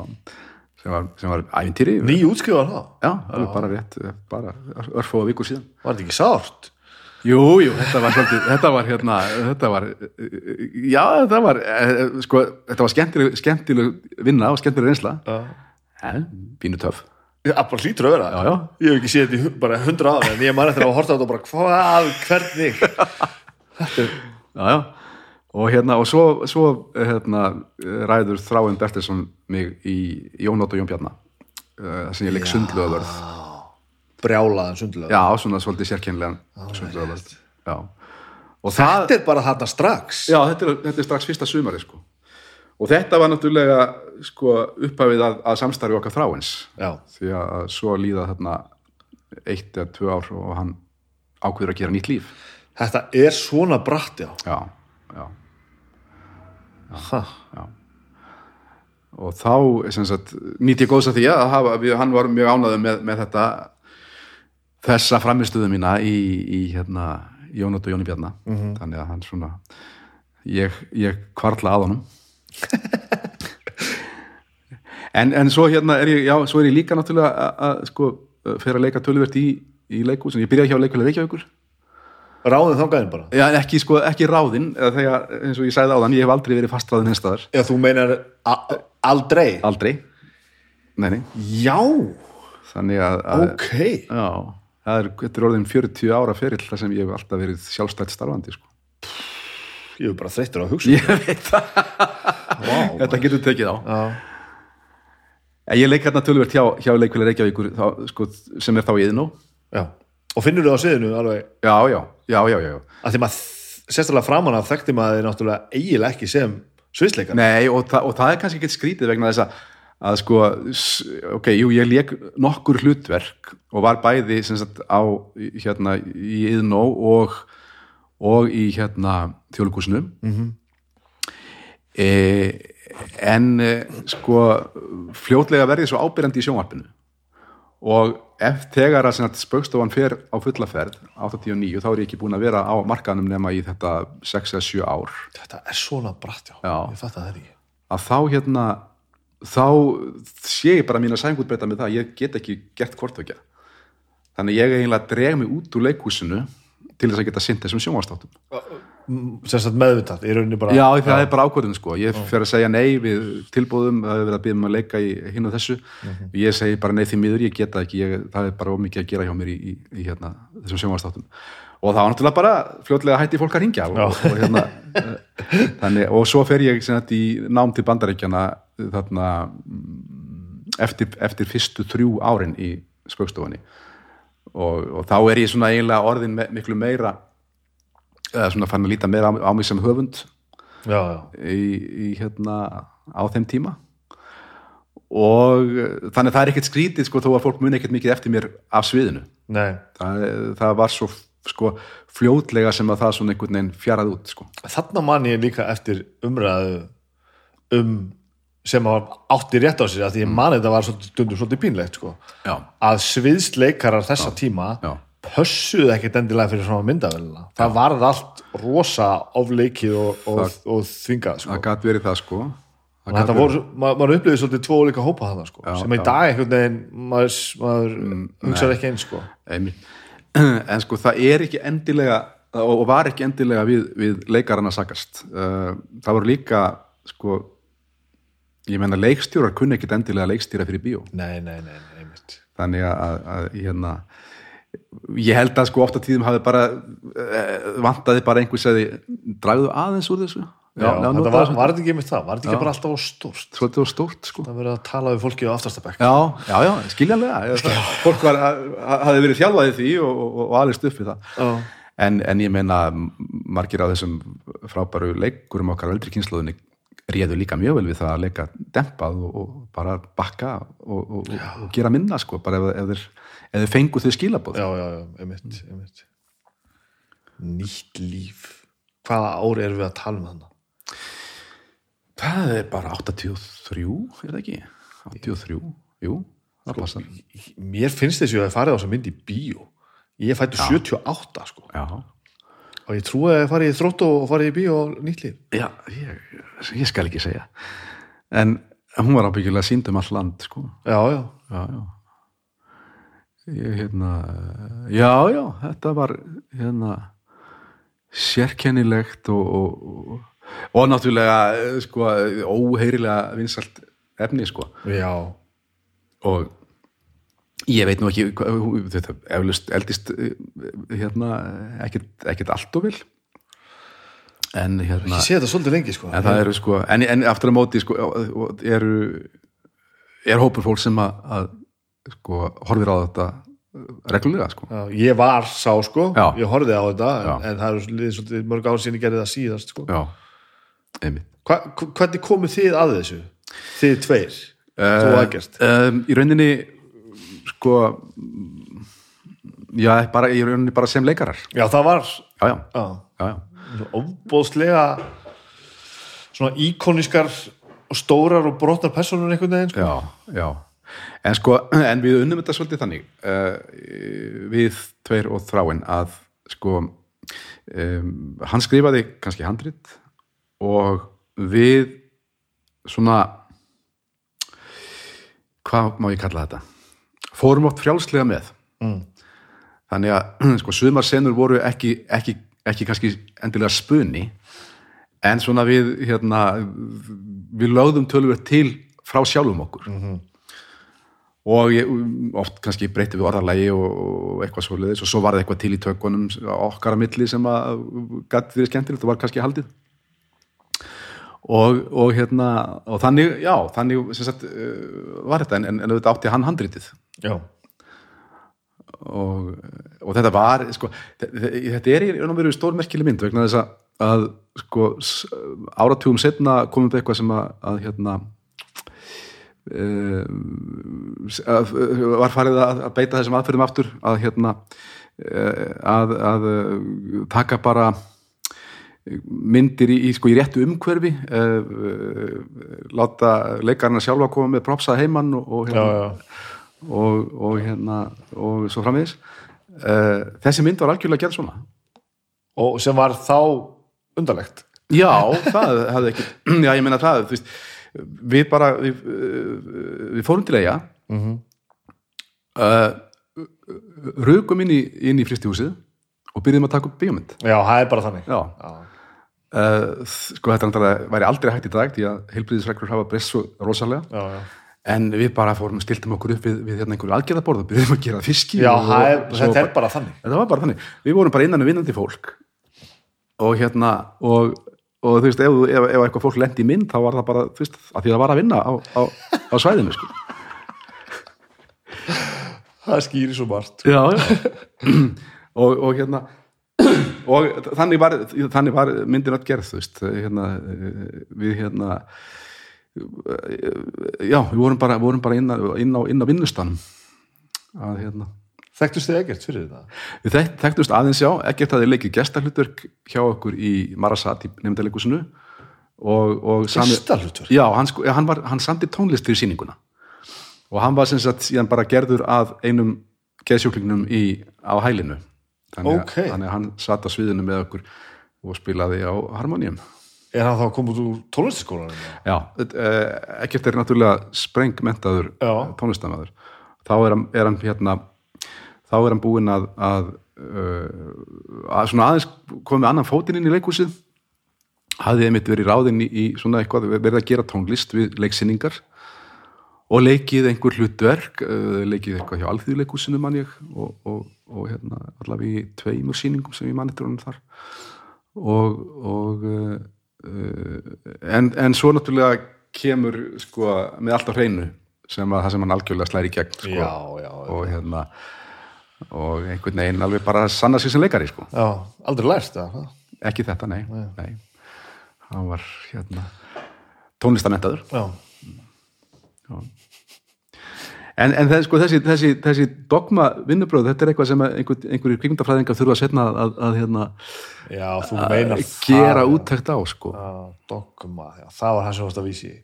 já, einmitt, já, já. það er einmitt og, og bara þá lítið og, e, sem engin ljós eða neitt svoleiðis í Ekki, viðbót nei, nei, já, jú, alltaf einhver, eitthvað smá við sko, en samt sem að, aðalega stuðst í það sem er, er á staðnum og hægt er að nota sko.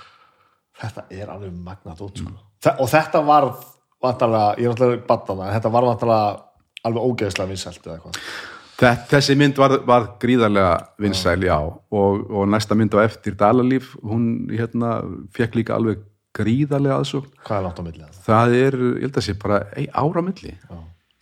Þetta, segðu það. Vinnubröðin maður Já, já, einmitt. það var tell í Og það var bara rokið í það. hún er helst eftir hugmynd er það ekki rétt hjá mér Dalalíf Ég þor ekki að, að, þor ekki að segja neitt um það, það getur vel verið. Uh, en, ég er ekkert að segja hún sé betri nei, svona- nei, nei, nei. Uh, hún pakkast betur inn Það getur alveg verið. allavega svona haustum að mér sko. Já, nú náttúrulega eru einhver áratvíður síðan ég sagði þetta sjálf Já, sko, ok, já, ég, ég er- veit ekki alveg hérna hvernig, hvernig þetta færi, færi í mig í dag en, en allt var þetta gríðarlega skemmtileg, skemmtileg vinna sko. Ég, man, á, ég held að svona almennt álitið að hún væri finnust sko. Já, það, það er ég, ég held að sé einhver hópur fólk sem að, svona, lítur hana sem sína uppáhals já. já, ég man samt að það var alltaf einhver svona alvöru gefin undirtótt í nýju lífi sem að já sem það að er mér ég- geðaði stað sko. Já, það, ég held að kannski, kannski er meiri einlægni í henni. Já, ég er ekki frá því, þannig sé svona aðeins það voru bara alvöru tilfinningar sem Já, bara svona já. skipti máli já, ég, ég er ekki, ég held að það sé alveg rétt. Og svona einhvern veginn vináttan að milli þeirra tvekja þó þau séu endalust að gera atkverju öðrum Já. og verður einhvern veginn svona ég held að hann sé svolítið sannari í fyrstu myndinni. Mm. Já. svo, verður, þetta svona meira svona flip og, og jafnvel svona Galgopa, já, já, og svolítið, já, ég mitt og svolítið, kannski svolítið anstíkilegt á köflum. Já, rættið meira. Já, já, ekki frá því.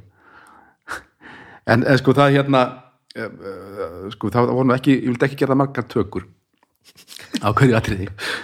Og, hérna, og nú er ég að tala um nýtt líf að, en það er atvik sem ég man alltaf eftir að hérna, sem ég tekið á hótið sögu. Uh, það sem að, að uh, það er verið að rekka þá. Uh, þeir hafa hérna nýðst á nýðst á hérna gesti hann. það var, Diddi um, umrættu Já, það var sko. það er akkurat og hérna og uh, uh, ég kem gangandi í gegnum eldhúsið. Það sem verið er að, að, að hérna, eitthvað að afmunstra ekkert og ég er að þurka af svona kokkanýf, stórum nýf og með viskustykki. Og þetta var svolítið trikki að, að, að, tæma þetta rétt og eitthvað og svo þannig að, að einhver þetta vegna allavega þá, þá þurfum við að fara aftur og aftur í þetta sama skot. Og við vorum vanir að ná þessu yfirleitt í einu skoti e, kannski mestalagi þremur og hérna og, og þar, þar, þar, þar við satt en þetta ætlar aldrei að ganga og við erum búin að taka líklega 10, 11 12 tökur og enginn þeirra er notæf og síðan er sett í ganga einu sinni enn.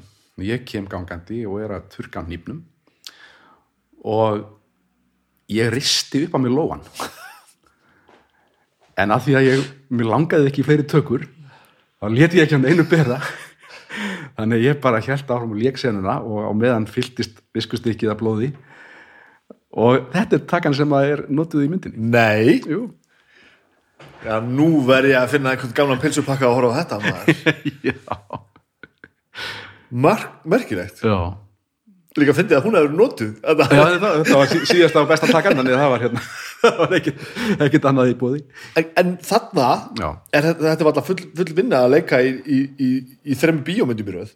Já, já, já, já, já. Sko eh, tökutími á, á svona mynd svona, já, mynd að þessari stærðagráðu er svona fimm vikur, cirka. Já, Og hva, hvað er þetta að leika hana að Annað. gera hana meira? Þarna er ég að leika í, you know Já, og- já, það er á sama tíma náttúrulega. Og það er á sama tíma, sko, sem var svolítið já, það, það var ákveð æfintýri vegna þess að ég þurfti alltaf að fara í, til Reykjavíkur í, í, um hverja helgi til þess að leika. Og ég gæti orðið alveg brjálaðislega sjóveikur í Herjólfi á leiðin á milli. Og það, ég gerði samning við, við, hérna, við framleiðenda myndarinnar að ég myndi taka flug og hann myndi borga fyrir mig flug alltaf þegar það væri fært. Annars er því að taka herjólf. Ói barasta það var flogið einu sinni. Á, á þessu finni ykkur tífubili Svona martruð þeir sjóu kaman sko. Og þetta var, sko, já, samt er ég ekki, sko, ég, hérna, ég verði ekkert sjóveikur, en það var bara svo vont í sjóin þarna alltaf því þú veist að fara á milli. En hérna, þetta, ég var sem sagt að, að, ef ég man rétt, þá var ég að leika í, í verki sem heitir, hérna, uh, Guðgamir Eira, gerist í heyrleysingaskóla.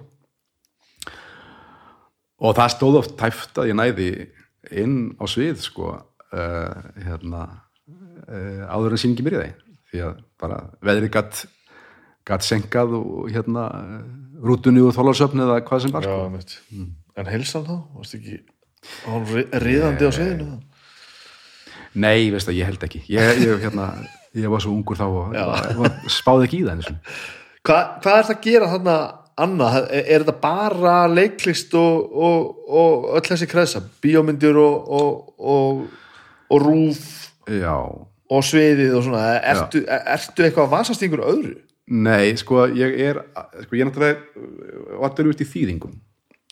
Já, uh, var að þýða leikrit þarna strax Já, já, sko ég er einlega, ég var byrjað að þýða áður en ég var með leikari, sko.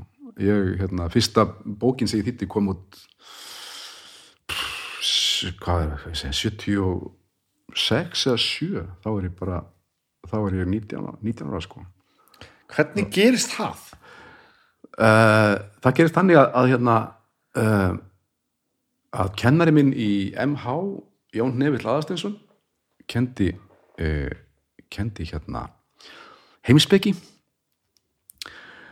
Og eh, kennslubókin í heimspeki var á dönsku. Og það var mjög mikið kvartað yfir þessu.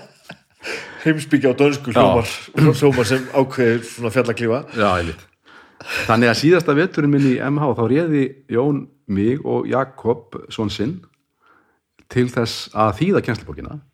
Og hún var gefin hjá, út hjá, hjá út, e, hérna, bókaútgafu MH Já, Já. kom út þarna og ég, ég, vorum ekki einstu útskrifaður held ég þegar hún kom út. Og hérna og svo sem sagt uh, veturinn eða bara sumarið þar á eftir þá erum við, ég og fæður minn rannir til þess að þýða Hobbit. Já hoppin maður. Sem kemur út 78 Það er svona snemma, já. Já, já, þá er ég bara um tvítut sko. Já, ég hlust, þú last hann inn svo? Nei, ég hef ekki lesað henni Hver las hann? uh, það hefa fleiri en einn gert held ég. Ja, eða lastu úr henni? eða? það getur vel verið, ég hef lesið úr henni já, já, í útvastáttum Já, Jú, ég, það- man, ég hlustaði á því að lesa Já. upp úr þessari því Já, jú, jú, þegar einhvern tímann hefur ég gert það. Og svo er, ég byrjað líka sko, bara á, þegar ég, á meðan ég er í leikskólanum er ég byrjað að þýða uh, leikrit fyrir útvarp og, og leiksvið þannig það hefur fyllt mér alltaf tíð. En vörubisturinn pabbiðin Nei, hann var ekki vörubisturinn, afiðin ja, Pabbiðin var hann var bílverki bifilagvirkin og, og badnið svo, svo að segja, hvernig Já. kemur þetta upp á, upp á borða því að fara að þýða þýða tolkin? Já, sko það gerist þannig að, að hérna að uh, pappi tók öldungadeildina í MH Já, Já, hann sem náttúrulega var ekki student uh -huh. þannig að þegar hann er komin eh, svona um fertu, já, nálgast fertugt þá uh, þá skráður hann sig í öldungadeildina, kvöldskóla og kláraði reyndar aldrei stúdinsprófið en tók ímsa áfanga og einn af þeim var þýðingar áfangi og eh, hann velur að þýða fyrsta kaplan í Hobbit sem verkefni í, áfanganum. Já, já. Og það þykir hefnast bara fjári vel hjá honum. Og uh, fljótlega fyrir hann eitthvað orða við mig hvort að ég væri til í að þýða bundnamálið uh, því ég var svona uh, fikk það við að yrkja og, og eitt og annað. Og hérna, já, já, ég var held að ég hlýta að geta það. Og hérna við förum, förum með svona sínishopp niður á rúf. Og þá sem sagt var sko á þeim árum þá var Rúf alltaf Rúf var í raun og veru mjög öflug bókaútgáfa því það var oft verið að lesa útvarpsögu sem ekki hefur komið út á prenti. Já, ok. Já, og hérna við töluðum við, við yfirmann barna deildarinnar í Rúf Já. og hún kíkir á þetta og finnst þetta mjög góð hugmynd. Og svo verða einhverjar hérna og hún fyrir að kanna þetta hvort það sé ekki allt í lagi að, að, að hérna, senda þetta út sem barnasögu og þá kemur í ljós að almenna bókafélagið átti útgáfuréttin á, á uh, Hobbit Hversu þekktar eru þessar sögur ekki, ekki mjög þekktar á Íslandi Nei. þetta var eiginlega bara svona þröngur hérna, nördahópur sem hafði lesið eh, hérna, þessar bækur mm -hmm. og, og hérna, fullt af til dæmis sko, bókmyndafólki sem vissi, vissi ekkit hvað þetta var Nei. eða hafði ég vel fordóm og sagði já, var alltaf að tala um einhver tolkin, ég nenni, nenni honum nú ekki sko. Mm og, og eh, þannig að við fórum nýra á almenna bókafélagi og síndum þar þetta sama sínis og, og, og það, við vorum ránir í, í djöpið Af bókaútgáfinni? já, af, af, af AB Ok. Já. ég rendi svo einhvern tíðan aðeins í þessa þýðingu. Já, hún er svona hún er svolítið dimm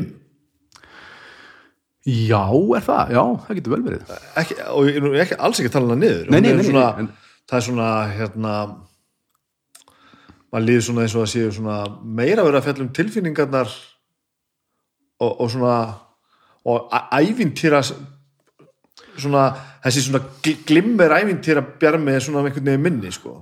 Maður, líður sem að sé nær jörðin einhvern veginn sko. já, ok, já, já sagan er náttúrulega það er margt dimmt og, og, og drungalegt sem gerist í henni það er alveg málið sko. hún er hún er oft bara helviti ljót sko. já, já, það er það og líka bara svona, ef maður lesa orginalinn hann er alltaf svo miður sín sko já, hann er, svo, hann er alltaf svo, Já. þetta er svo yfir þyrmandi já, og maður, e, mér leið þegar ég las ykkar þýðingu Mm. eins og maður var nær því sko, Mhm. hvað hann var bara hrættur sko. Á meðan að maður sá þetta svona, sér þetta meira ofanfrá í hinnu eins og sé bara svona lítil vesalingu sem maður rættur ekki heim sko. Já, ég að sé að tala hana niður sko, það er líka frábært stöf sko. Og, en ég man þegar að ég held þetta hafi verið þegar að ég heyrði þér lesa hann einhvern broturhúsu og fór þá vísvitandi og, og las þetta. Já. þá held ég fyrst að ég hugsað bara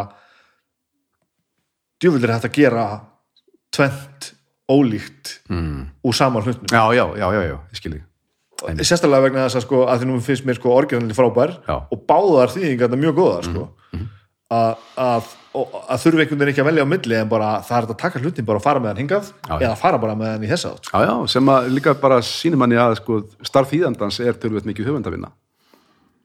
já, Já, ég meina, þú veist, þú uh, bara rétt eins og, rétt eins og veist, leikari sem leikur hlutverk uh, hérna, setur tölvöld að sjálfum sér í hlutverkið. já, Það er sa, uh, sama sagan með, með þýðandan. Ég meina, það, það kemur, það, það, getur alltaf svo mikið á því hva, hver hann er og hvað, hvaða tökum hann tekur verkið. reynir maður að ganga inn í þetta og vera slutlu sem maður getur Þetta reynir maður alltaf að, að, að gera sko uh, höfundinum uh, eða vera, vera sangjarn við höfundin. já, Maður vill alltaf gera, komast eins nærri kjarnanum eins og, eins og maður getur. Mhm. Og það er, er, það sem að gera oft sko starf þýðandans mjög bæði vandarsamt og spennandi. Að, að uh, vera höfundum trúr uh, þú veist gera textanum hans ekki neitt sem að, sem að sko, skemmir eða, eða, eða gerir, eða þú veist, já uh, reynir að koma, koma hlutunum yfir á íslensku þannig að þeir, að þeir séu ve- veki, skulum við segja sambarileg eða sömu hughrif já, eins og, eins og frumtekstin einmitt, einmitt. Er þetta gaman? já, oftast nær. Þetta er miskjendileg já, og hérna og ég hef haft mjög gaman að því að þýða. Hérna og, og, og, og sérstaklega, ég meina ég hef líka bara fengist við mjög vandasama hluti og te, tekist á við hluti sem að ég veist, sem að var eiginlega óðsmann sæði að reyna en, en hérna eins og hvað? eins og Pétur Gaut til dæmis. Já, ná talandi um það sko. Já. Það var ekkit það var ekkit hlaupið að því. En, en, en mjög ánægulegt og á löngum köflum mjög spennandi. En svo var það svo að fyndið sko að því að, að, því að ég hef hérna náttúrulega hef uh, og þýtt held ég núna ég held ég sé ekkert að íkjönda þó ég segi að það sé komið yfir 100 titlar. Já, þetta er svona já, já, já, já ok. En svo var hérna sonum minn uh, spurði afa sinn skömmu hann dó hvort að það hefði- hefði ekki verið gaman að þýða Hobbit og hann sagði nei, það var nú ekki skemmtilegt. Nei, ok, þannig að hann hafði eitthvað aðra upplifun heldur en ég. En þér fannst þetta gaman? Já, mjög finnst það gaman, já, já, virkilega. Og það var líka, þróunin í okkar samvinnu varð svo að sko upphæðlega alltaf ég bara þýða kvæðin Aha. og bundnamálið. Svo ákvaðum við að ég myndi líka þýða og bundi mál uh, sagt, og þá skiptum við bara köflunum 50-50 á mill okkar. Þannig að, að hérna að, að, já, ég þýtti helmingina köflunum og svo minni mig að hafi verið orðið þannig undir lokin að ég var farin að taka svona einn og einn frá honum líka til þess að, til þess að klára þetta komið þessi yfir á því smátt og smátt hefur lesið þetta nýlega? Nei, ekki, ekki í heildina, nei. Nei. Já, heyrðu, jú, býttu nú við. Ég, ég, hérna, ég, ég var skí, í skíðaferðarlegi fyrir svona tíu árum líklega Ok. með, með, með börnunum mínum.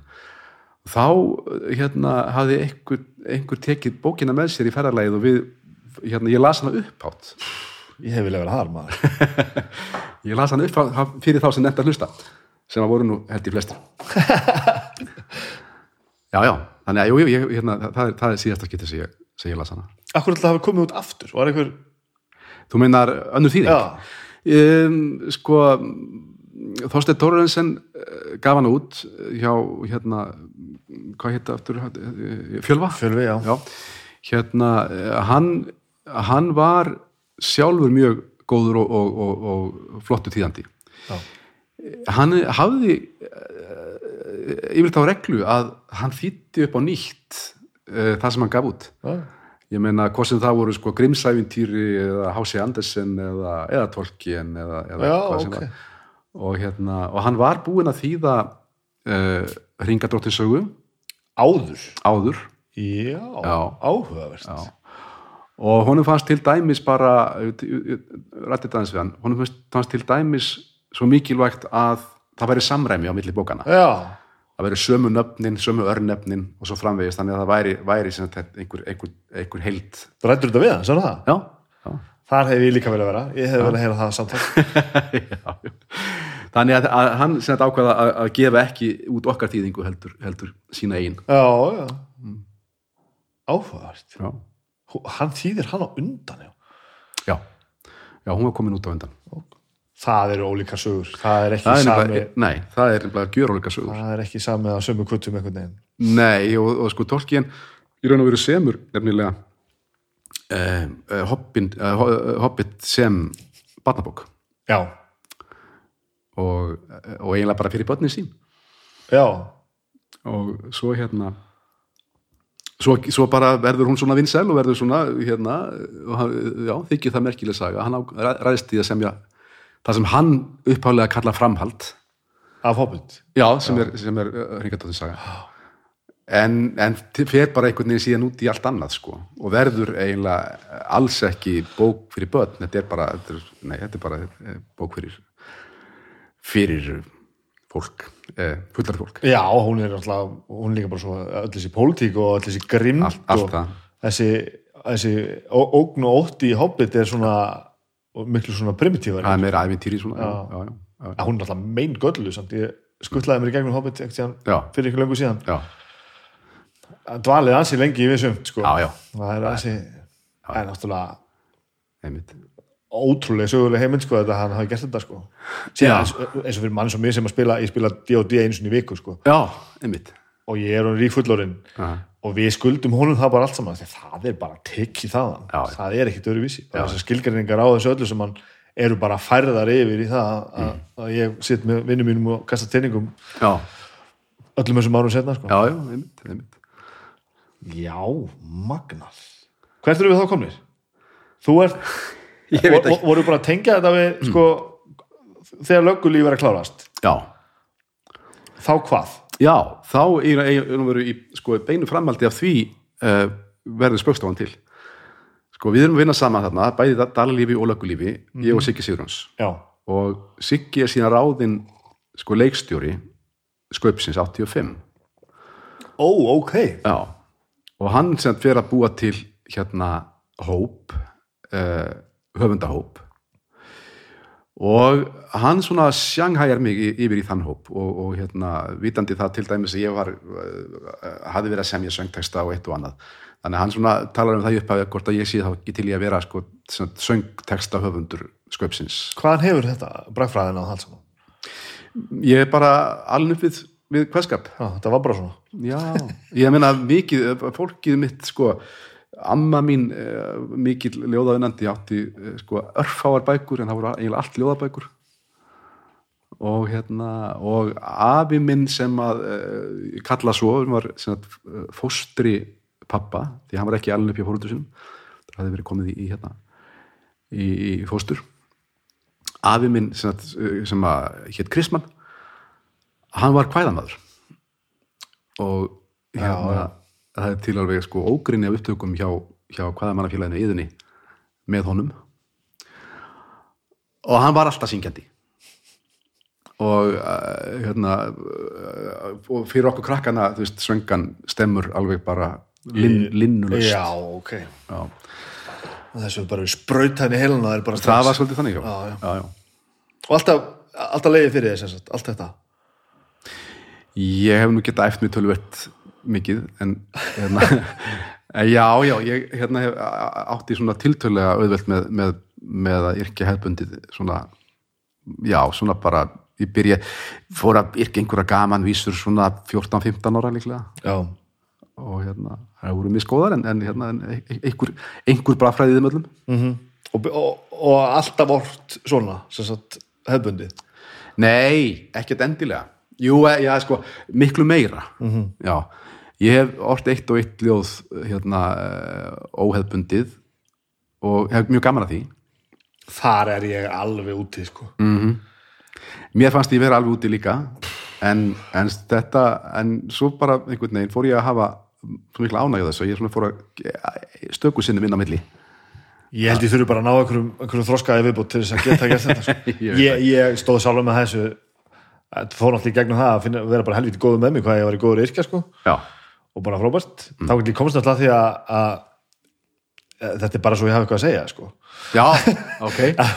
Ég er eiginlega bara komst bara því að ég, ég noti þetta bara til þess að fylla í eðunar af því að ef ég er ekki með skema sko, hérna er bara, það bara að finna hérna stöðla og, og höfustæðu og og þetta það er bara svona púsla þessu saman. Ha, ég meina ég hef, sko, hef breytt nöfnum í heilu leikriturum og sjónvarsnáttunum af því að mér vantaði stöður sko. ég bara að replacea allt rastlið í handritinu af því að, af því að, af því að mér vantaði bara karakter sem byrja á B eða eitthvað svoleiðis sko. það er áhugavert. Að hika ekki við það sko.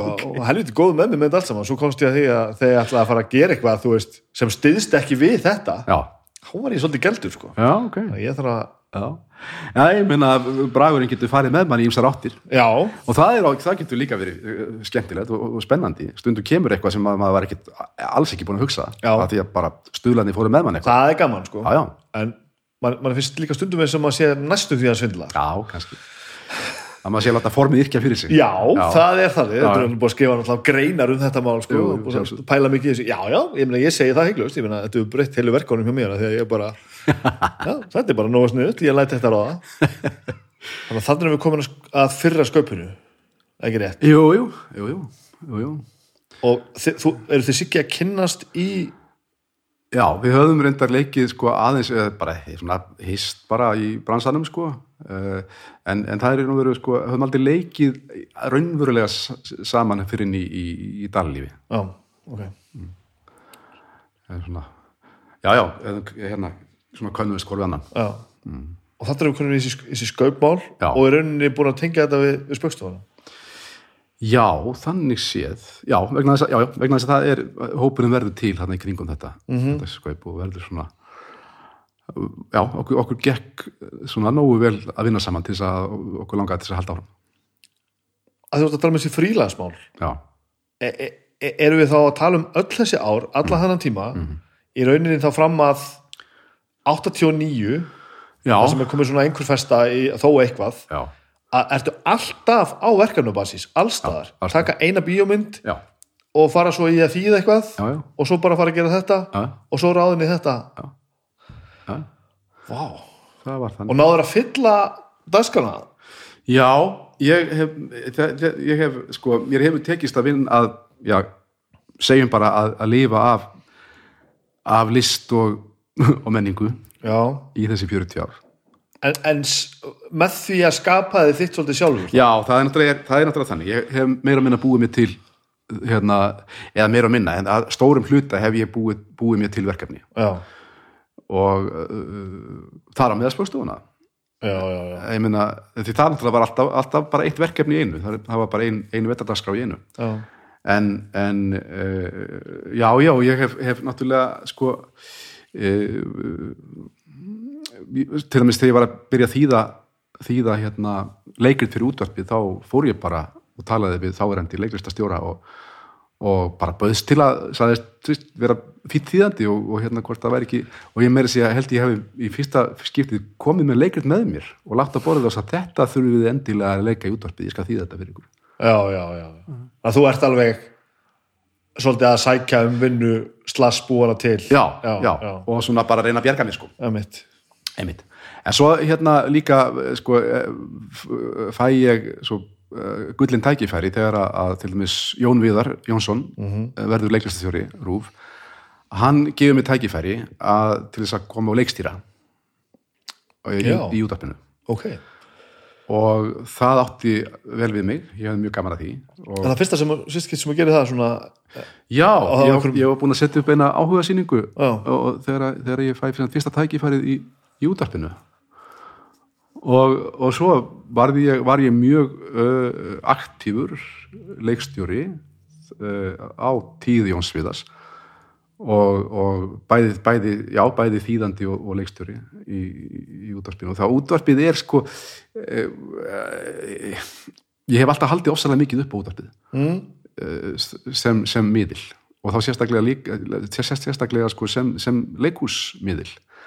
Því mér finnst sko útvars leikritið vera alveg bara makalust skemmtilegt form. Þetta var svolítið í græjanum í bílnum hjá pappa sko, já, já, að hlusta á útvarsleikrit þetta er ótrúlega sérstakt form. Já. Þetta er, þetta er spennandi og það er líka þetta að þú, veist, þú getur gert hvað sem er. Já, þú getur skrifað sko hérna skrifað sko sögu í, gegnum útvarsleikrit sem að myndi kosta sko fleiri hundru miljónir að gera sem kvikmynd. En þú getur sagt söguna á, sko alveg jafn vel í útvarpi þar sem þú ert bara að virkja ímyndunar af hlustandans. Að, áhugavert að hérna, sko hljóðmyndin er svo spennandi fyrirbæri. Og til dæmis þarna á þessum tíma þá uh, hérna fæ ég hérna, leifi hjá Jóni Viðari uh, til að, að uh, leikgera sakamálasögu. Ég skrifa stóra serju sem að heitir Bóðið upp í morð og sem ég leikstir í sjálfur. -hmm. og hérna var, var sendt út og, og hérna er uh, mikil thriller. Og þetta verður svona kannski grunnurinn setna mér að Harry og Heimi. Já, ok. Því að, að þegar að, að, að hungrið sverfur að einu svo nenn þá, þá hérna þá, þá hérna segi ég, já, kem ég með þessa hugmynd til, til Arnar og, og Sigga hvort við hefum ekki að skrifa svona bara flippað og, og, og, og svona hálf absúrt sagamáluleikrit en forverðin er ekki grín eða hvað? Nei, það er ekki grín, það er bara alveg það er alveg að, að, að graf alvarlegu thriller sko. já, já, Já. ertu jafnvígur á þetta allt saman? Skrifa, leikstýra, leika pródusera eða? Ég hef allavega gert þetta allt saman. Já, uh, og finnur þig jafnvel í þessu öllu saman? Já, mér, eh, ég hef alltaf, það er alltaf eitthvað sem að, sem að hérna, ég veitir mér ánægju, já, uh, hérna, það það sko, kannski skiptist, ég menn það er ekki alltaf, alltaf, allt, uh, allt sko frábært á sama tíma, uh, ég menna, stundum hérna, ég hef sko, kannski skrifað verk og haft mjög mikla ánægju af því og svo leikið því sjálfur og það hefur svona ekki verið alveg kannski jafn já, já, ég skilði en hérna en uh, svo hef ég veist, að, hef ég leikstýrt verkum og, og haft alveg feikilega uh, mikla ánægja því. Mm. og, og, og svona þetta, þetta, hefur- þetta hefur víkslast, ég hef bara getað einhvern veginn, ég, já, verið nógu heppin til þess að, að hérna að fá að gera þetta allt saman, þetta er bara hefni það. Hefni og hungur. Það er bara þetta skiptis hvenær er Harry og Heimir, hvenær er þetta?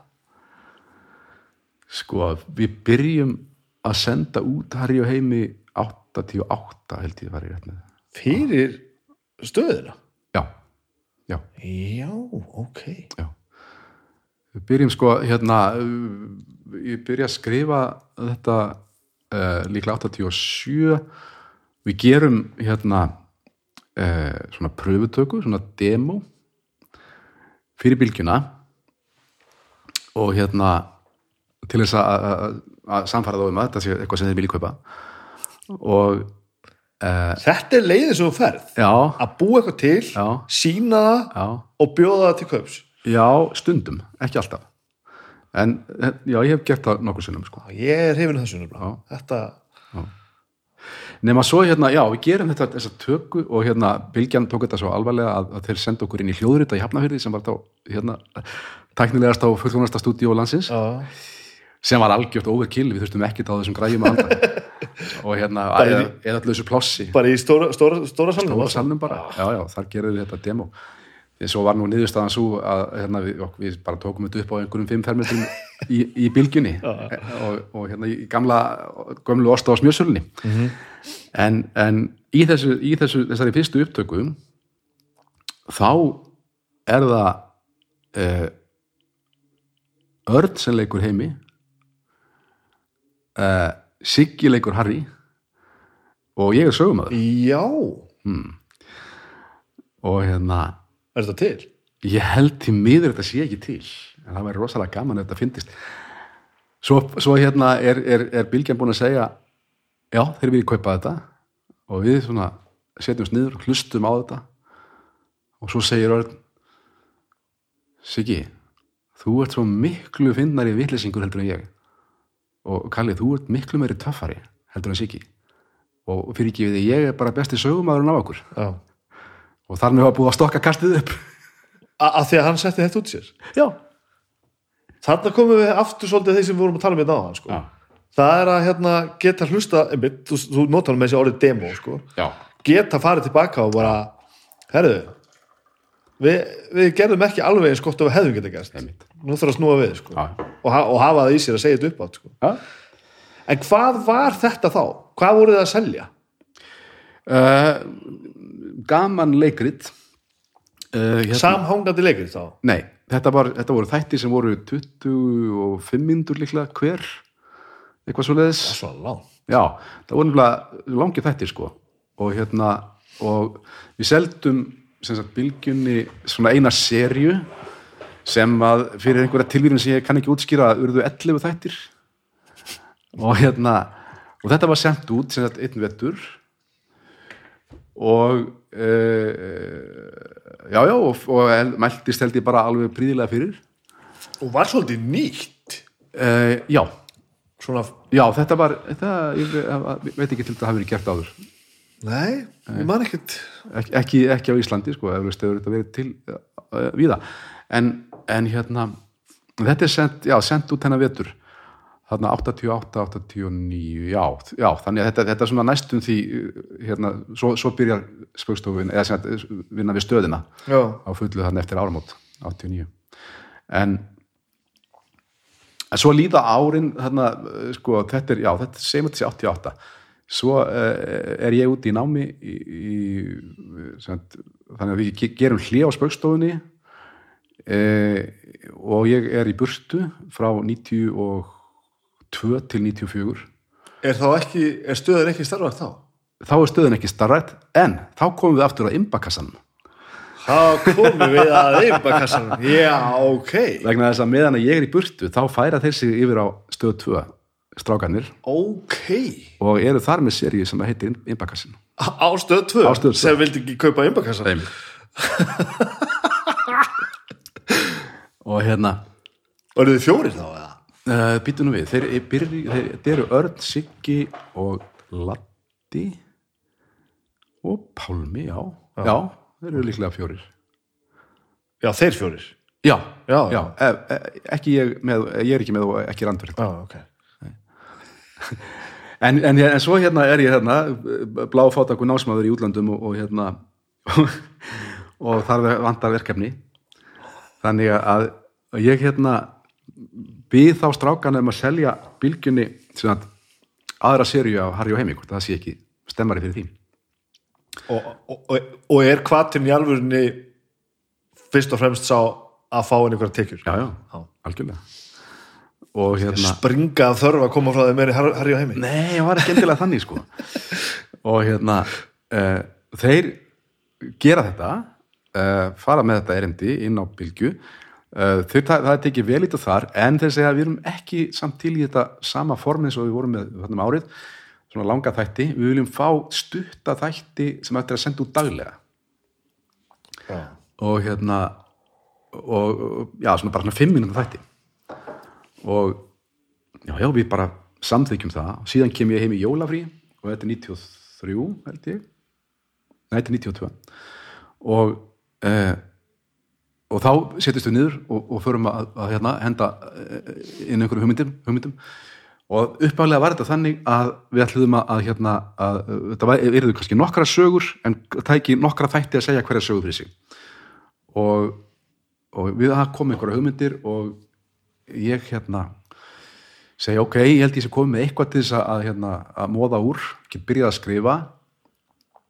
Og svo bara þegar ég sigli í strand þá fæ ég að hóa ég ykkur aftur og við tökum einhverja nýja sessjum og ég sest niður og ég satt held ég í tvo sólarhenga óslitið og hamraði þetta inn á tölvu.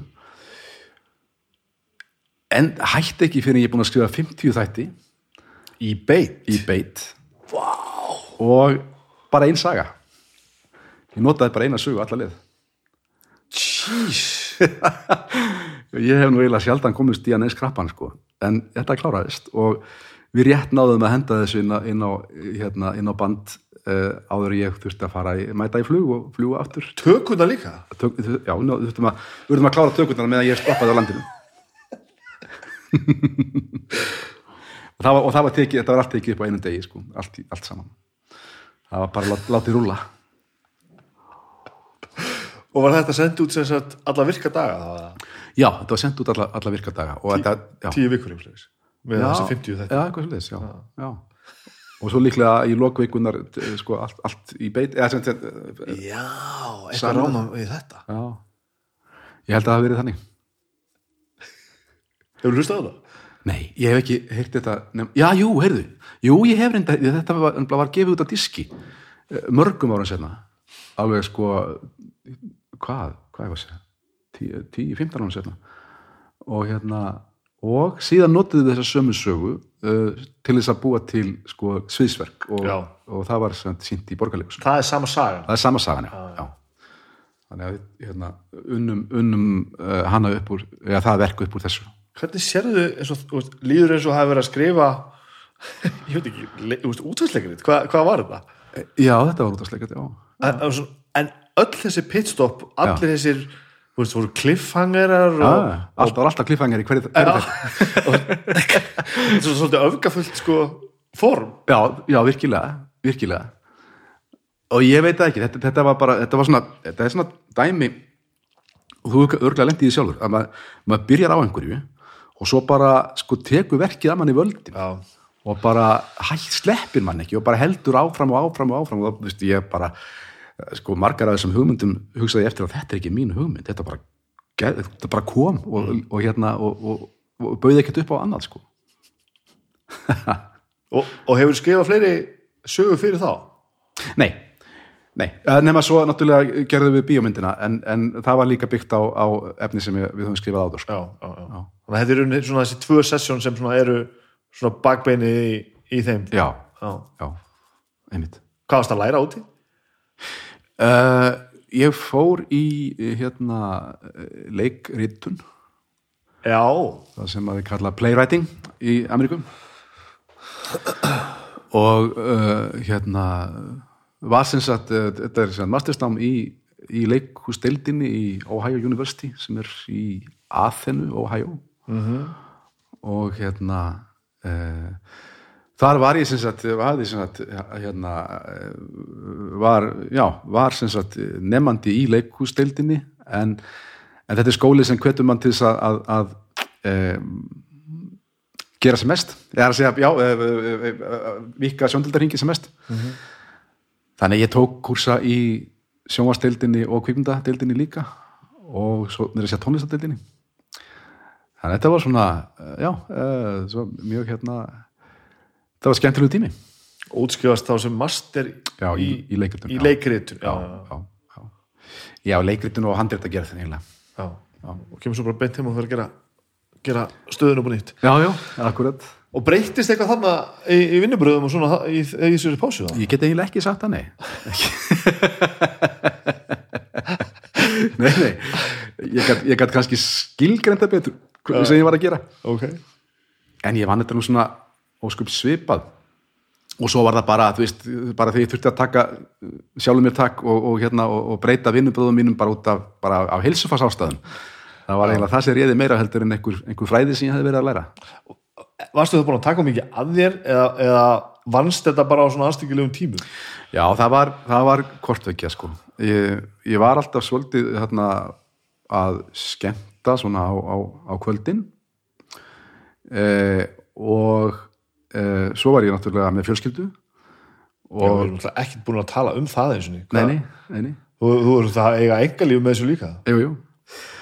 og ég, ég, reyndi, ég reyndi mikið að, þú veist, að að vera ekki á upptekinn á daginn þegar börnum mín voru vakandi og þegar að, þú veist, að þau, þau, það þurfti að sinna þeim og svo framvegis. Mm.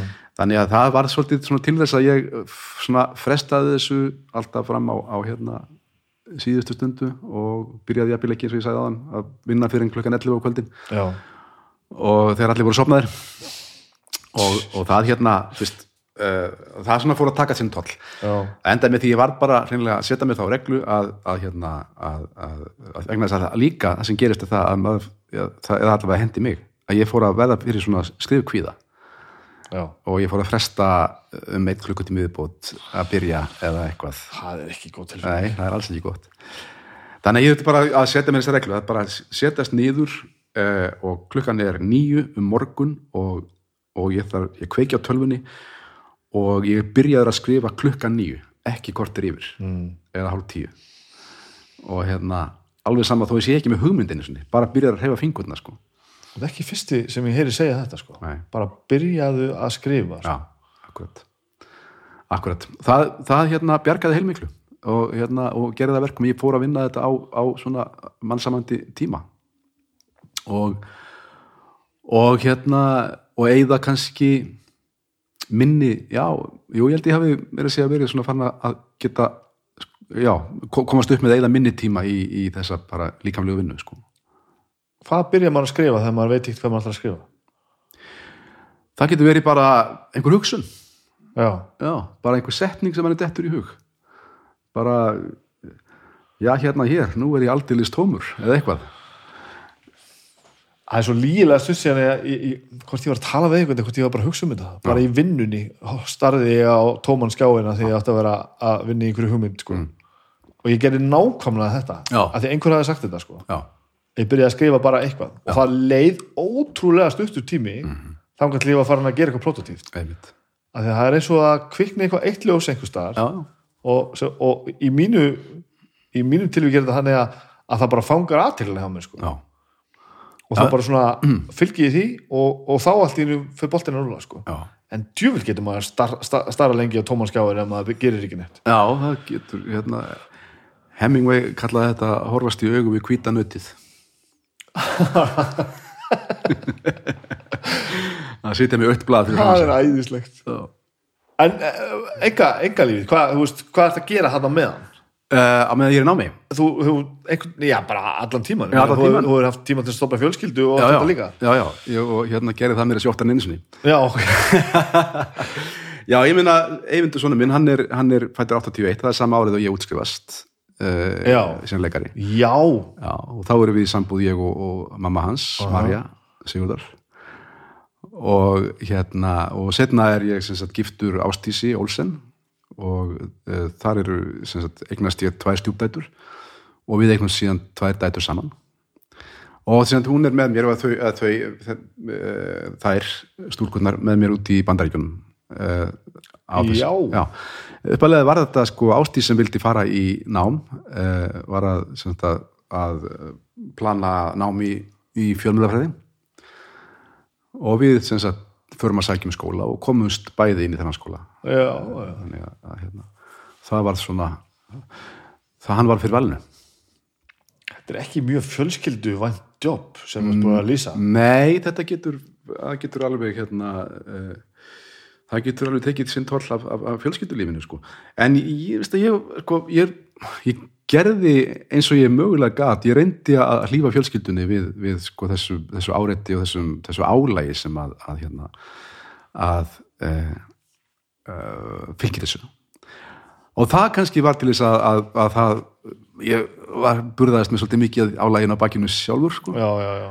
Og hérna var að reyna að, að eh, einhvern veginn að haga tímanum þannig að, að þetta bitnaði ekki á bönnunum og bitnaði, bitnaði ekki á fjölskyldunni og allt það, svo veit maður ekkert, þú veist, svo getur vel verið að hafa bara gert ílt verða, sko. Já. en allavega, ég var, hérna, var allavega vilja gerður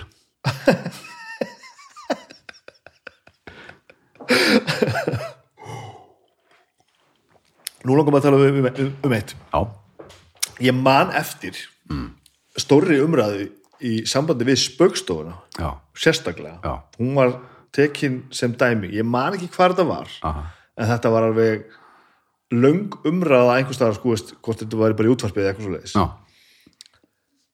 hvernig menn væri búin að eyðileggja fyrir sér ferilinn með því að vera odnir fíblalegir gamanleikarar í augum allra Aha. og kemist ekki út úr því? Aha. Kannastu við þessu umræðu? Já, uh, já, já og nei, sko, ég, hérna, ég man ekkert eftir þetta hafi verið einhver svona sérstök umræða þannig séð, en, en þetta er eitthvað sem maður hefur heyrt aftur og aftur, sko. Já, Já, já, það er, sko, það er ábyggilega eitthvað til í þessu. Eh, Það þarf ekki að þýða það að menn séu verri leikarar, en, en þeir hafa ákveðna ímynd og uh, við vit, ég meina við horfum á frábæra leikar eins og Sigga Sigurjóns Latta, Örn sem að hafa líka verið að leika alvarleg hlutverk og, og gert það alveg, alveg gríðarlega vel. Já, já. Pálmi Gesson, ég meina það, veist, þetta, eru, þetta eru menn sem eru í hópi bestu leikara þjóðarinnar. Absolutt. Og, og, og hérna, en, en svo er það bara, já, svo er það bara kannski ímyndin sem að sem að svona einhvern veginn loðir við við mann.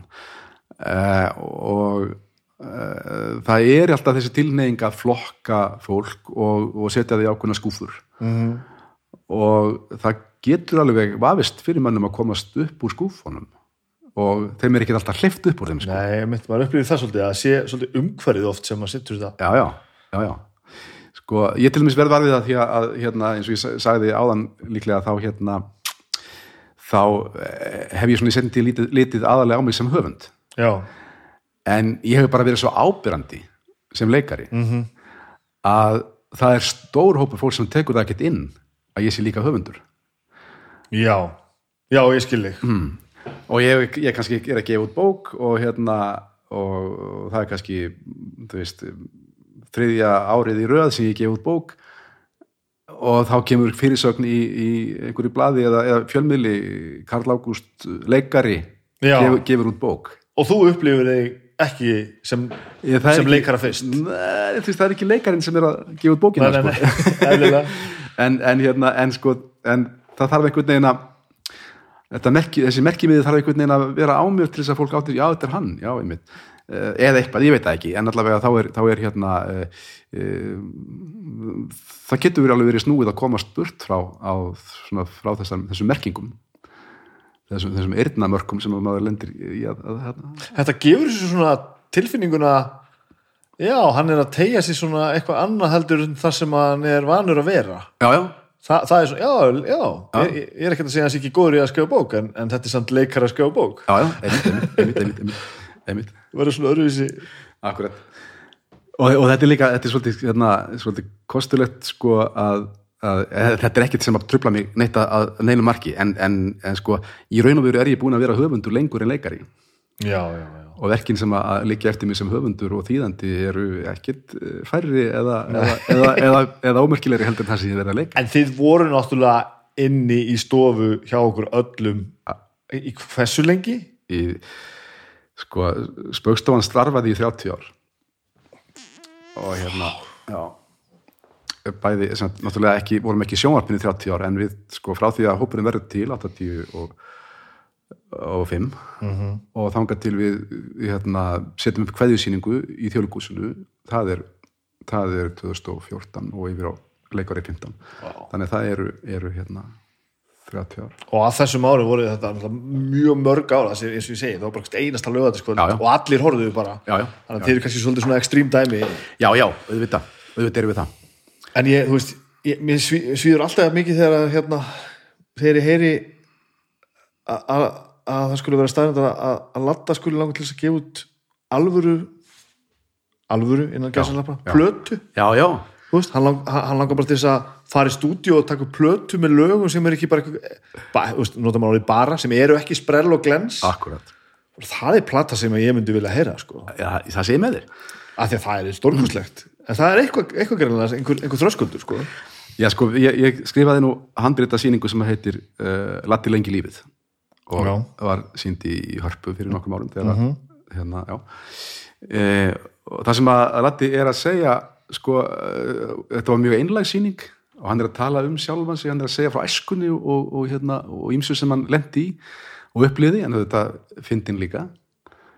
Og það er einmitt, segir hann þessa sögu og við notuðum það í sýningunni að, að, hérna, að hann kannski kom og talaði við, við hérna, einhvern virtan uh, útgefanda og eða útsetjara um, komið með efni og það sagt við hann, já, lati minn, þetta er nú bara þetta er að fínt hjá þér en þetta er ekkert fyndið já, en þetta á ekki að vera fyndið Nei. Nei. en væri ekki betur að þetta væri fyndið þetta er svo mikið synd sko. ég hef bara, ég hef pyrrað þetta einskiptum þetta er bara borðið upp sko. Já, djúvill þarf hann að gera þetta. Já það er alveg auðvitað, auðvitað. en ég, ég man eftir, ég sá því á sviðinu Akureyri að leika hérna með Andreu og hérna, hvað var það já, ekki? í kabarett Kabarett, Já. stórkostlega leiksýning. Djúvill var gaman maður. Já, já, gaman að heyra það. En þá man ég að, að það st- sló mig er ekki rétt orðið en ég horfði á upp á sviðinu og bara þessi gaur. Já. og ég einhvern veginn sko veist, nú þekkjust við samúð ekki neitt sko Aha. en þá allt í einu sko að, að því þetta hafi verið umræðin og alltaf, þessi, alltaf þessar pælingar sem við búin að tala um þetta, veist, hvort það sé búið að stimpla fólk einhvern veginn eitthvað að þá sá ég allt í einu einhvern sem bara svona var fullkomlega frá því slittin að vera einhver galgópi og grínisti og, og, og fíblalegur inn á, inn á, inn á gabli hámanni hverju mennst að löða þetta sko. já, já, já, já. finnur þetta eitthvað sjálfur eða er þetta bara eitthvað sem ég er að upplifa já ég, sko, ég hef, eiginlega svolítið kosið að horfa, horfa hræða þessu. Já, uh, en, og, og ég er ekkit hérna og það er kannski, kannski, kannski það kostulega að ég leita ekkit á mig sem gamanleikara uh, lengi framan af. Mér fannst ég vera miklu meira dramatísku leikari ok. En það fyrstu hlutöki sem ég leik hérna, uh, voru svona, já, alvarleg uh, reyðir ungir menn og svo framvegis. Já, já, og, og, hérna, og, og það var einhvern veginn, það var svona svo hilla sem að mér, ég kunni ágætlega við mig á. En svo bara gerist, gerist lífið. Og ég man alltaf að hérna því ég leki hérna það var hjá Alþjóðleikúsinu síning sem við settum upp í í, hérna Hafnarbíói á verki sem heitir Þjóðatíð, þetta er Guðmund Steinsson og þar leik ég uh, ungan elskuga. Og uh, í einni krítik sem að byrtist í einhverju blaði það stóð hérna Karl Ágúst sýnir fram á það að í honum blundar gamanleikari. Já. Það var einhver svona augnablík sem að þóttu fyndin í, í, þetta er þið ekki skrifað í dag. Nei. Þetta kom mér svona óvart í svo, að já, ok, er það, já, já sérst það, já, það er bara það en hérna, býttu nú aðeins við, sett ég það eins og þegar þú ert að fara upp í gegnum leiklistaskólan og það allt saman. Já, ertu þá ekki fyndingur nei, nei, nei, nei. Ekki þannig, ekki nema bara, bara prívat. Ég var, ekki, var aldrei að reyna að, að, að hérna, vera sérstaklega fyndin á sviði, sko. Nei, nei. Nú varst að taka tilverun og snúin alveg á kolf sko. já, já, já, já. og það er nú stundum sko, ég hef nú stundum rifjað það upp að, að það var þarna náungi sem var bekk á eftir mér í skólanum, Örn Átnason sem var alltaf eitthvað, e, e, e, með eitthvað flip og alltaf að hérna, einhvern veginn að, já, já, ge, gera eitthvað fyndið. Og mér varst það svona frekar ómerkilegt. Ég skildi ekki hvernig að netti þessu. Og, og, og varst, varstu þá í svona tilgangi alveg? Varst, ég veit ekki hvað ég á að kalla það. Sko, en auðvitað, þú veist, þetta, þetta nám við vorum að, við tókum sjálf okkur tölvöld hátilega já, við áttum alveg til að gera, búa til eitthvað fyndið, búa til einhver skemmtiatriði sem við tróðum með upp á, á, á ásáttíð eða einhverju, einhverju, einhverju skólaskemmtun en, en, en svona þegar í, í náminu sjálfu þegar við vorum að vinna okkar, okkar hérna, karaktervinnu, það var alltaf, það var alltaf gríðarlega alvöru þrungin vinna já, Já. ekkit, ekkit hérna e- e- ekkit gáleysi þar há alveg list alveg. Já, já, já, já, já, já. Við, tókum, við tókum námið mjög alvarlega. Eh, Ég gerði þarna einstaklingsverkefni sem var partur af náminu. Það sem ég tók hérna svakalega hryllingssögu eftir Edgar Allan Poe og, og leikgerði hana og það var bara, það var hérna eh, fór alla leið með, með, með sko hádramatískan eh, leik og, og, útfæslu. og, og e, fa- fannst þú þá á einhvern tímapunkti að það var að taka okkur niður fyrir þig eitthvað svoleiðis og byrja að grína svona mikið Nei, nei, svo hérna mm, sko Nei, ég, sko, ég nú, nú er ég kannski aðeins að, hérna, að, að- að skopast að sjálfum með þessu ungu manni en, en hérna eh, þegar ég sagt, fer, byrja að, að, að náttúrulega eitt af, þú veist, fyrsta hluturki mitt í bíómynd eða annað var, var hérna, sundlegaverðurinn í, í Jónatu Jóni Bjarna. Sem er gaman. Það sem er gaman hlutur sko. uh, og það fannst mér alls ekki mér fannst ekkert að því sko nei, nei, nei. og svo náttúrulega tekur við eh, nýtt líf sko. þannig að sko, ég er mjög snemma komin af, af stað á þessa, þessa braut mm -hmm. án þess að ég sko, vilja endilega sko, eða, eða vildi, vildi ekki þá skilgreina mig sem, sem gamanleikara ég var bara leikari veist, gerði bara veist, það sem maður þurfti að gera og, og, og, og gerði sitt besta hvort sem það var alvarlegt eða, eða gamansamt þetta er svo áhugavert sko. en þú sérði allavega engan svona þið líður ekki svona eins og að sí- þetta sé einhverjum svona tímabilum að þú veist, nú sést þú svona fullorinn og þroskaður og sért farin að svona gera eitthvað annað heldur en varst að gera þá nei sko að ég viðkynna það, ég upplifið það pínu sko, Já. en ég held að, eins og ég segi ég held að þetta getur verið jafn mikið ef ekki bara meira frá mér mm. allt í nú sá ég upp á þessu sviði og bara þannig bara komin einhver já e eitthvað quality sem að ég hef bara eiginlega ekki séð sko. Já, já, ég, eh, sko einmitt. En ég svo sem bara hafði ekki fengið svona hlutverk áður, allavega ekki langa lengi. Já, það var þannig, Já, já, Já, ok, ok, ok. já, já. Uh, þú alveg náði mér, ég náði mér ég hágrétt þannig bara eins og, og já, barn. Gaman að heyra það. Gaman að heyra það. Nei, nei, það, það er bara líka einhvern veginn, eh, það, eh, ég var stattur á góðum stað í, í lífinu og, og hérna, og þetta var svona uh, maður sem ég tengdi, tengdi mjög vel við þessi karakter og svo gerist það nú vonandi með sko þegar uh, já, þegar, þegar maður eldist og þroskast að maður nær kannski líka bara betri tengslu við sjálfan sig og, og, og hérna og það er tilfinningar sem að blunda með, með manni sjálfum að hérna og ég held að ég hafi verið að tengja á eitthvað þannig sko. mögulega bara inn, innan með sjálfum mér í leiðinni sko. já, já, já, já, já.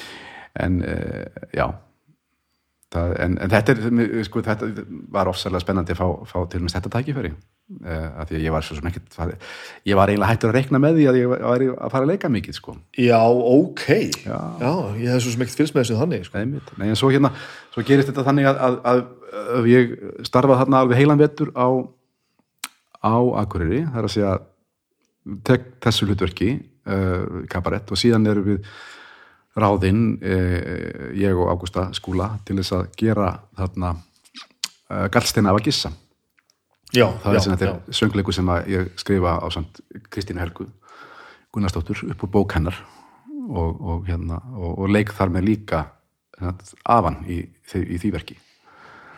Þannig að ég, ég fekk svona alveg heilan vetur á akkurir þar sem ég var starfaði tölvöld mikið sem leikari. Það var skemmtilega endur koma en langar ekkert að hamra það játt meira? Jú, jú, ég, svo er ég að því sko. Já. en, en, en uh, samt sem áður, okkar að milli að þá er ég svona þá er ég alveg tilbúin til að fara að ljúka þeim ferli. Leikaraferðin Já, já, já. Uh, Ég er búin að vera að æfa núna uh, sýningu sem að er sem, mitt eigið handrit og, og sem við leikum saman ég og Eyvindur, sonum minn sem heiti Fýblið og það er svona einhvers konar kveðju óður til leikusins já. þannig ég svona er að er að segja skilið eiginlega við þetta, við hann fyrir og meðvitað og búin að ákveða það? Já, já, hvað það. Uh, Þetta er hugmynd sem ég er búin að vera með lengi þar að segja að þessu verki, ég var aldrei, hugsa aldrei þetta er þetta síðasta sem ég gerði. En svo þegar við byrjuðum að æfa þetta og þetta er svona vangavelta um hlutverk þess sem að hefur einhvern veginn tekið að sér að, að vera uh, spéspegill á samfélagið. Og er, er sem sagt uh, þá vísun í hyrðfíblin gamlu hyrðfíbl sem störfuði við, hyrðir konunga Já. og höfðu það hlutverk að hæðast að konungnum og gera hann hlægilegan Aha. þegar hann var farin að taka sjálf og sjálf á hátilega og eh, allt í einu upp einn daginn sagði ég, já, ok þetta er kannski bara fín endapunktur eh, til þess að bara kveðja þennan feril bara í sátt eh, þá held ég að það sé bara sé rétt að ég ákveði sjálfur hvernig þetta endar. Eh, í staðin þess að láta aðra segja mér það. Heldur þú standið við það? ég, ef ég stend ekki við þetta þá er engin skaði skeður. Nei, en ég er allavega búin að þessu. Hvað hva, hva, hva er að setja þetta upp? þetta er síning sem kemur að vísa ekki fyrir í haust í, í hérna tjarnabíói Ok, en er sem sagt hérna uh, uh, já, við vorum að klára æfinga núna bara í februar og uh, hérna ímsar ástæður þar á meðal heimsfaraldurinn og allir því að þetta svona var plönin voru svolítið flókin og, og snúin. Þannig við ákvaðum að, að ljúka æfingum og geima svo sýninguna fram í, í, í byrjun september. Eru bara tveir eða? við erum tveir á sviðinu, já. Já, uh, hans semur tónlistina og, og við flýtjum þetta saman. Já, þú er búin að byggja þetta maður, þetta er áhugavert. Og, hva, og eh, hvað þá? Þú, þú vantar ekki hættur að- vinna? Nei, nei, nei, nei. Og, og hérna, en ég náttúrulega er hérna höfundur. Svo ég held áfram að skrifa. Aha, og uh, ég er uh, hérna, ég er uh, formaður rithöfundasambandsins. Og ég er að reyna að gera þau fyrir mig um, þessa dagana, hvort ég gef kost á mér áfram í það starf. Uh, það svona er svolítið tvísýnd eins og er en, en í öllu falli þá, þá hérna, hef ég líka starfað tölvöld mikið að, að félagsmálum. Já. Og svo er bara svo mörg verk sem ég á, eftir að skrifa. Þannig að það er bara að brjótast um mig er að koma frá þér þessum, þessum hugmyndum sem þú ert með í höfðinu. Já, já. já, já. Og er þetta leikrið þá mest eða? Sumt að þessi leikit, sumt eru, eru skáldsögur sumt eru smásugur, það er bara það er ofsara, sko, margt hérna, ég veit að þetta hljómar kannski undarlega en, en sko það er ekki nærrið því allt sem ég hef ætlað mér að gera sem ég hef komið í verk. Og ég á sko drög að sko mörgum verkum. Hvað kallar þú drög? Já, ég er kannski búin að skrifa söguþráð að kvikmynd hef svo ekki fengið, fengið hérna peninga í að, að hrinda því í framkvæmt og þá kannski mörgum ára setna reiki augun í þessa hugmynd í skrifa skúfunu og sagði, á, þetta geti kannski verið bara ágætið skáldsaga frekar Já, já, já, já. eða barnabók eða vinnur þú alla daga? flesta daga, já, já. Og í þessum málum þá Já, sko náttúrulega stundum er ég bara með konkrétt verkefni, ég er kannski að æfa hlutverk eða ég er að leikstýra einhverju sýningu eða eitthvað svoleiðis. En ef það er ekkert svoleiðis sem að, hérna, að, að liggur fyrir þá oft já er ég að, að hérna, setja á blað hugmyndir og, og hérna reyna svona einhvern veginn að pota þeim áfram. Þetta er rosalega, þetta, þetta virkar mjög svona allt um líkandi Er allt Já. lífið bara sósað í, í Já, það er það, það vill, vill oft vera þannig. Mm. Og hérna og ég hef stundum þurft að taka mér tak og hugsa býtu, ok, nú, það er allt í lagi að eiga frí í tvo tíma, sko. Já, og líka bara áhugamál áttu áhugamál? Já, já. sem er, eru þá bara áhugamál en ekki, Já, sem betur fer sko, ég, en svo gengum við nú misvel að stunda þau en ég hef gaman að, hlutum, mörgum hlutum sko, ég hef gaman að skýða menn sko, ég hef gaman að, kajakróðri og, og hérna, og gönguferðum og, og hínu þessu sko. Og gefur þess að svona allavega í, Já. í og með tíma til að sinna því? Já, ég þarf stundum að taka bara eh, sjálfa mig haustaki og, og fara með mig í eitthvað annað heldur en að, heldur en að, hérna, að einhver verkefni. Og næra skilja verkefni eftir það? E, Já, en ef að Þetta var nú ekki reynd, já Nei, það er alltaf gallið mér það að, að, hérna, að vinna svona, svona skapandi vinnu að sko, maður ræður ekkert alltaf hvort að, hvort að þau verkefni vikja úr haustum á manni. Mæni. Þau eru oft svona mikið mallandi svona, uh, meðfram öllu öðru sem maður gerir. Já En hvað, þú veist þú, e, e, sér þá fyrir að eða tíman sem hættir er bara svona að reyna að ná í skottið öllum þessum hugmyndu sem þú ert með Ég veit alveg sko að ég kem aldrei til með að, ná því öllu saman sko. Nei. Nei, nei, það er nú, tíminn er nú takmarkuð öðlind sko. En það verður vinnan, það sem hættir er að reyna bara, Já, það er svona það sem ég sé fyrir mér, já.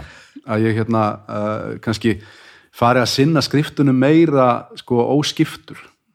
Hitt, Já. hitt er búið, sko, að vegna þess að allt þetta í gegnum þess áratvíi, þetta hefur svo oft verið það að ég er, ég er hlaupandi úr einu, einu í annað og er kannski með mörg játn í eldinum á sama tíma. Það er voða gaman og voða spennandi ma- meðan maður er ungur og, og, og, hérna, og hefur ótæmandi orku. en svo koma svona svo líður að því að maður er ah, nú verður ég bara að fara aðeins að fækka þessum játnum sko, ég get ekki verið með þetta allt saman í gangi. Þannig að, að, að akkurat núna líður mér þannig að já, mér finnst það bara frábært ef ég kemst upp með það að, að geta settið við skriftir og hérna og unnið bara skinsamlegan vinnudag. Já Magna, þú sér aldrei fyrir að þú myndir, þú veist, taka upp eða fara bara að gera eitthvað annað. Ekki úr þessu held ég. Nei, Nei. En hef, hef, hef, hefði það einhvern tíma komið til, komið til, greina? Já, já, ég, þú veist alveg hérna, uh, hef leitt í stundum hugan að því að, að hérna að ég get alveg farið bara já, sinna einhver öðru. Uh, og hérna uh, sko, á meðan ég var ennþá að, að spá í það hvað ég myndi vilja gera í lífinu og svo þetta var, var leiklistinn nummer eitt þá hugsaði ég oft sko en ef ég kemst nú ekki inn í neitt leiklistaskóla hvað ger ég þá? Og þá er ég í vangaveltum í kringum sálfræði félagsfræði bókmyndafræði og fleira þannig að ég var alveg, hortið aðra ráttir Mhm. En svo einhvern veginn bara var þetta alltaf það, það var alltaf eitthvað sem lág fyrir og sem ég þurfti að, sem ég gatt sint og gatt hérna, uh, hugsaði að það fengi greitt fyrir. Slá hungrið og hefnið já, já. Þetta var skemmtilegt maður. Já, þetta var, já, já, þetta er mjög ánægilegt Mjög margt þarna sem að komur óvart. Okay. Þetta var geðveikt. Takk fyrir að tala um mig. Herðu, var bara sömulegðis og takk fyrir kaffið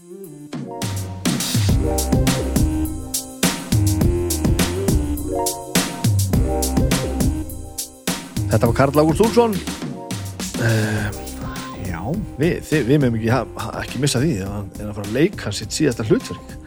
Tjarnabíó í haust við þurfum að Já, já, við þurfum að köpa með það. Er bara svo leiðis en að samanskapi hlakka ég mjög til að sjá hvað maður náttúrulega áorka þegar hann já, ef hann gerir það sem hann er að segja. Alltaf setjast niður í róleitum og klára hugmyndirnar allar þessar, allar þessar endalösu hugmyndir sem hann er með í höfðinu. Já, já, þetta er gott um, Ég þarf ekki að hafa þetta lengra sko. Þetta var vel hefnað Ég er vel stemdur, þetta er alltaf uppleið. Aðeins undirbúa D&D-sessjónið Dóttir mín að fara í badnaðamæli hún var í partí um helgina, hún er 6 ára þetta er byrjað, ég á fólk ég á ekki lengur börn, ég á fólk. Um, Ég ætla að halda fram að leika mér. Ég ætla að fara að kaupa pedal. Ég ætla að fara að kaupa gítarpedal og nokkra snúrur. Og ég ætla að fara að spila Dungeons and Dragons á morgun og ég ætla að æfa þungarokk með hljómsveitinu minni og ég ætla að spila það á tónleikum. Þetta er nú lífið sem ég ætla að lifa hérna. Millið þess að ég sest niður hérna með konunum minn og horfa matmenn og hef það gott.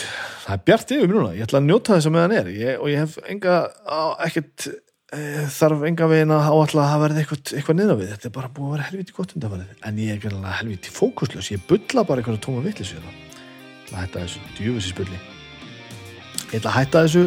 Djöfisisbulli takk e, Flyover Iceland, takk Simir Pay fyrir að vera með mér. E, takk þig fyrir að hlusta. E, þetta er bara allt saman eins og það á að vera. Og þá getur næst þá segi ég bless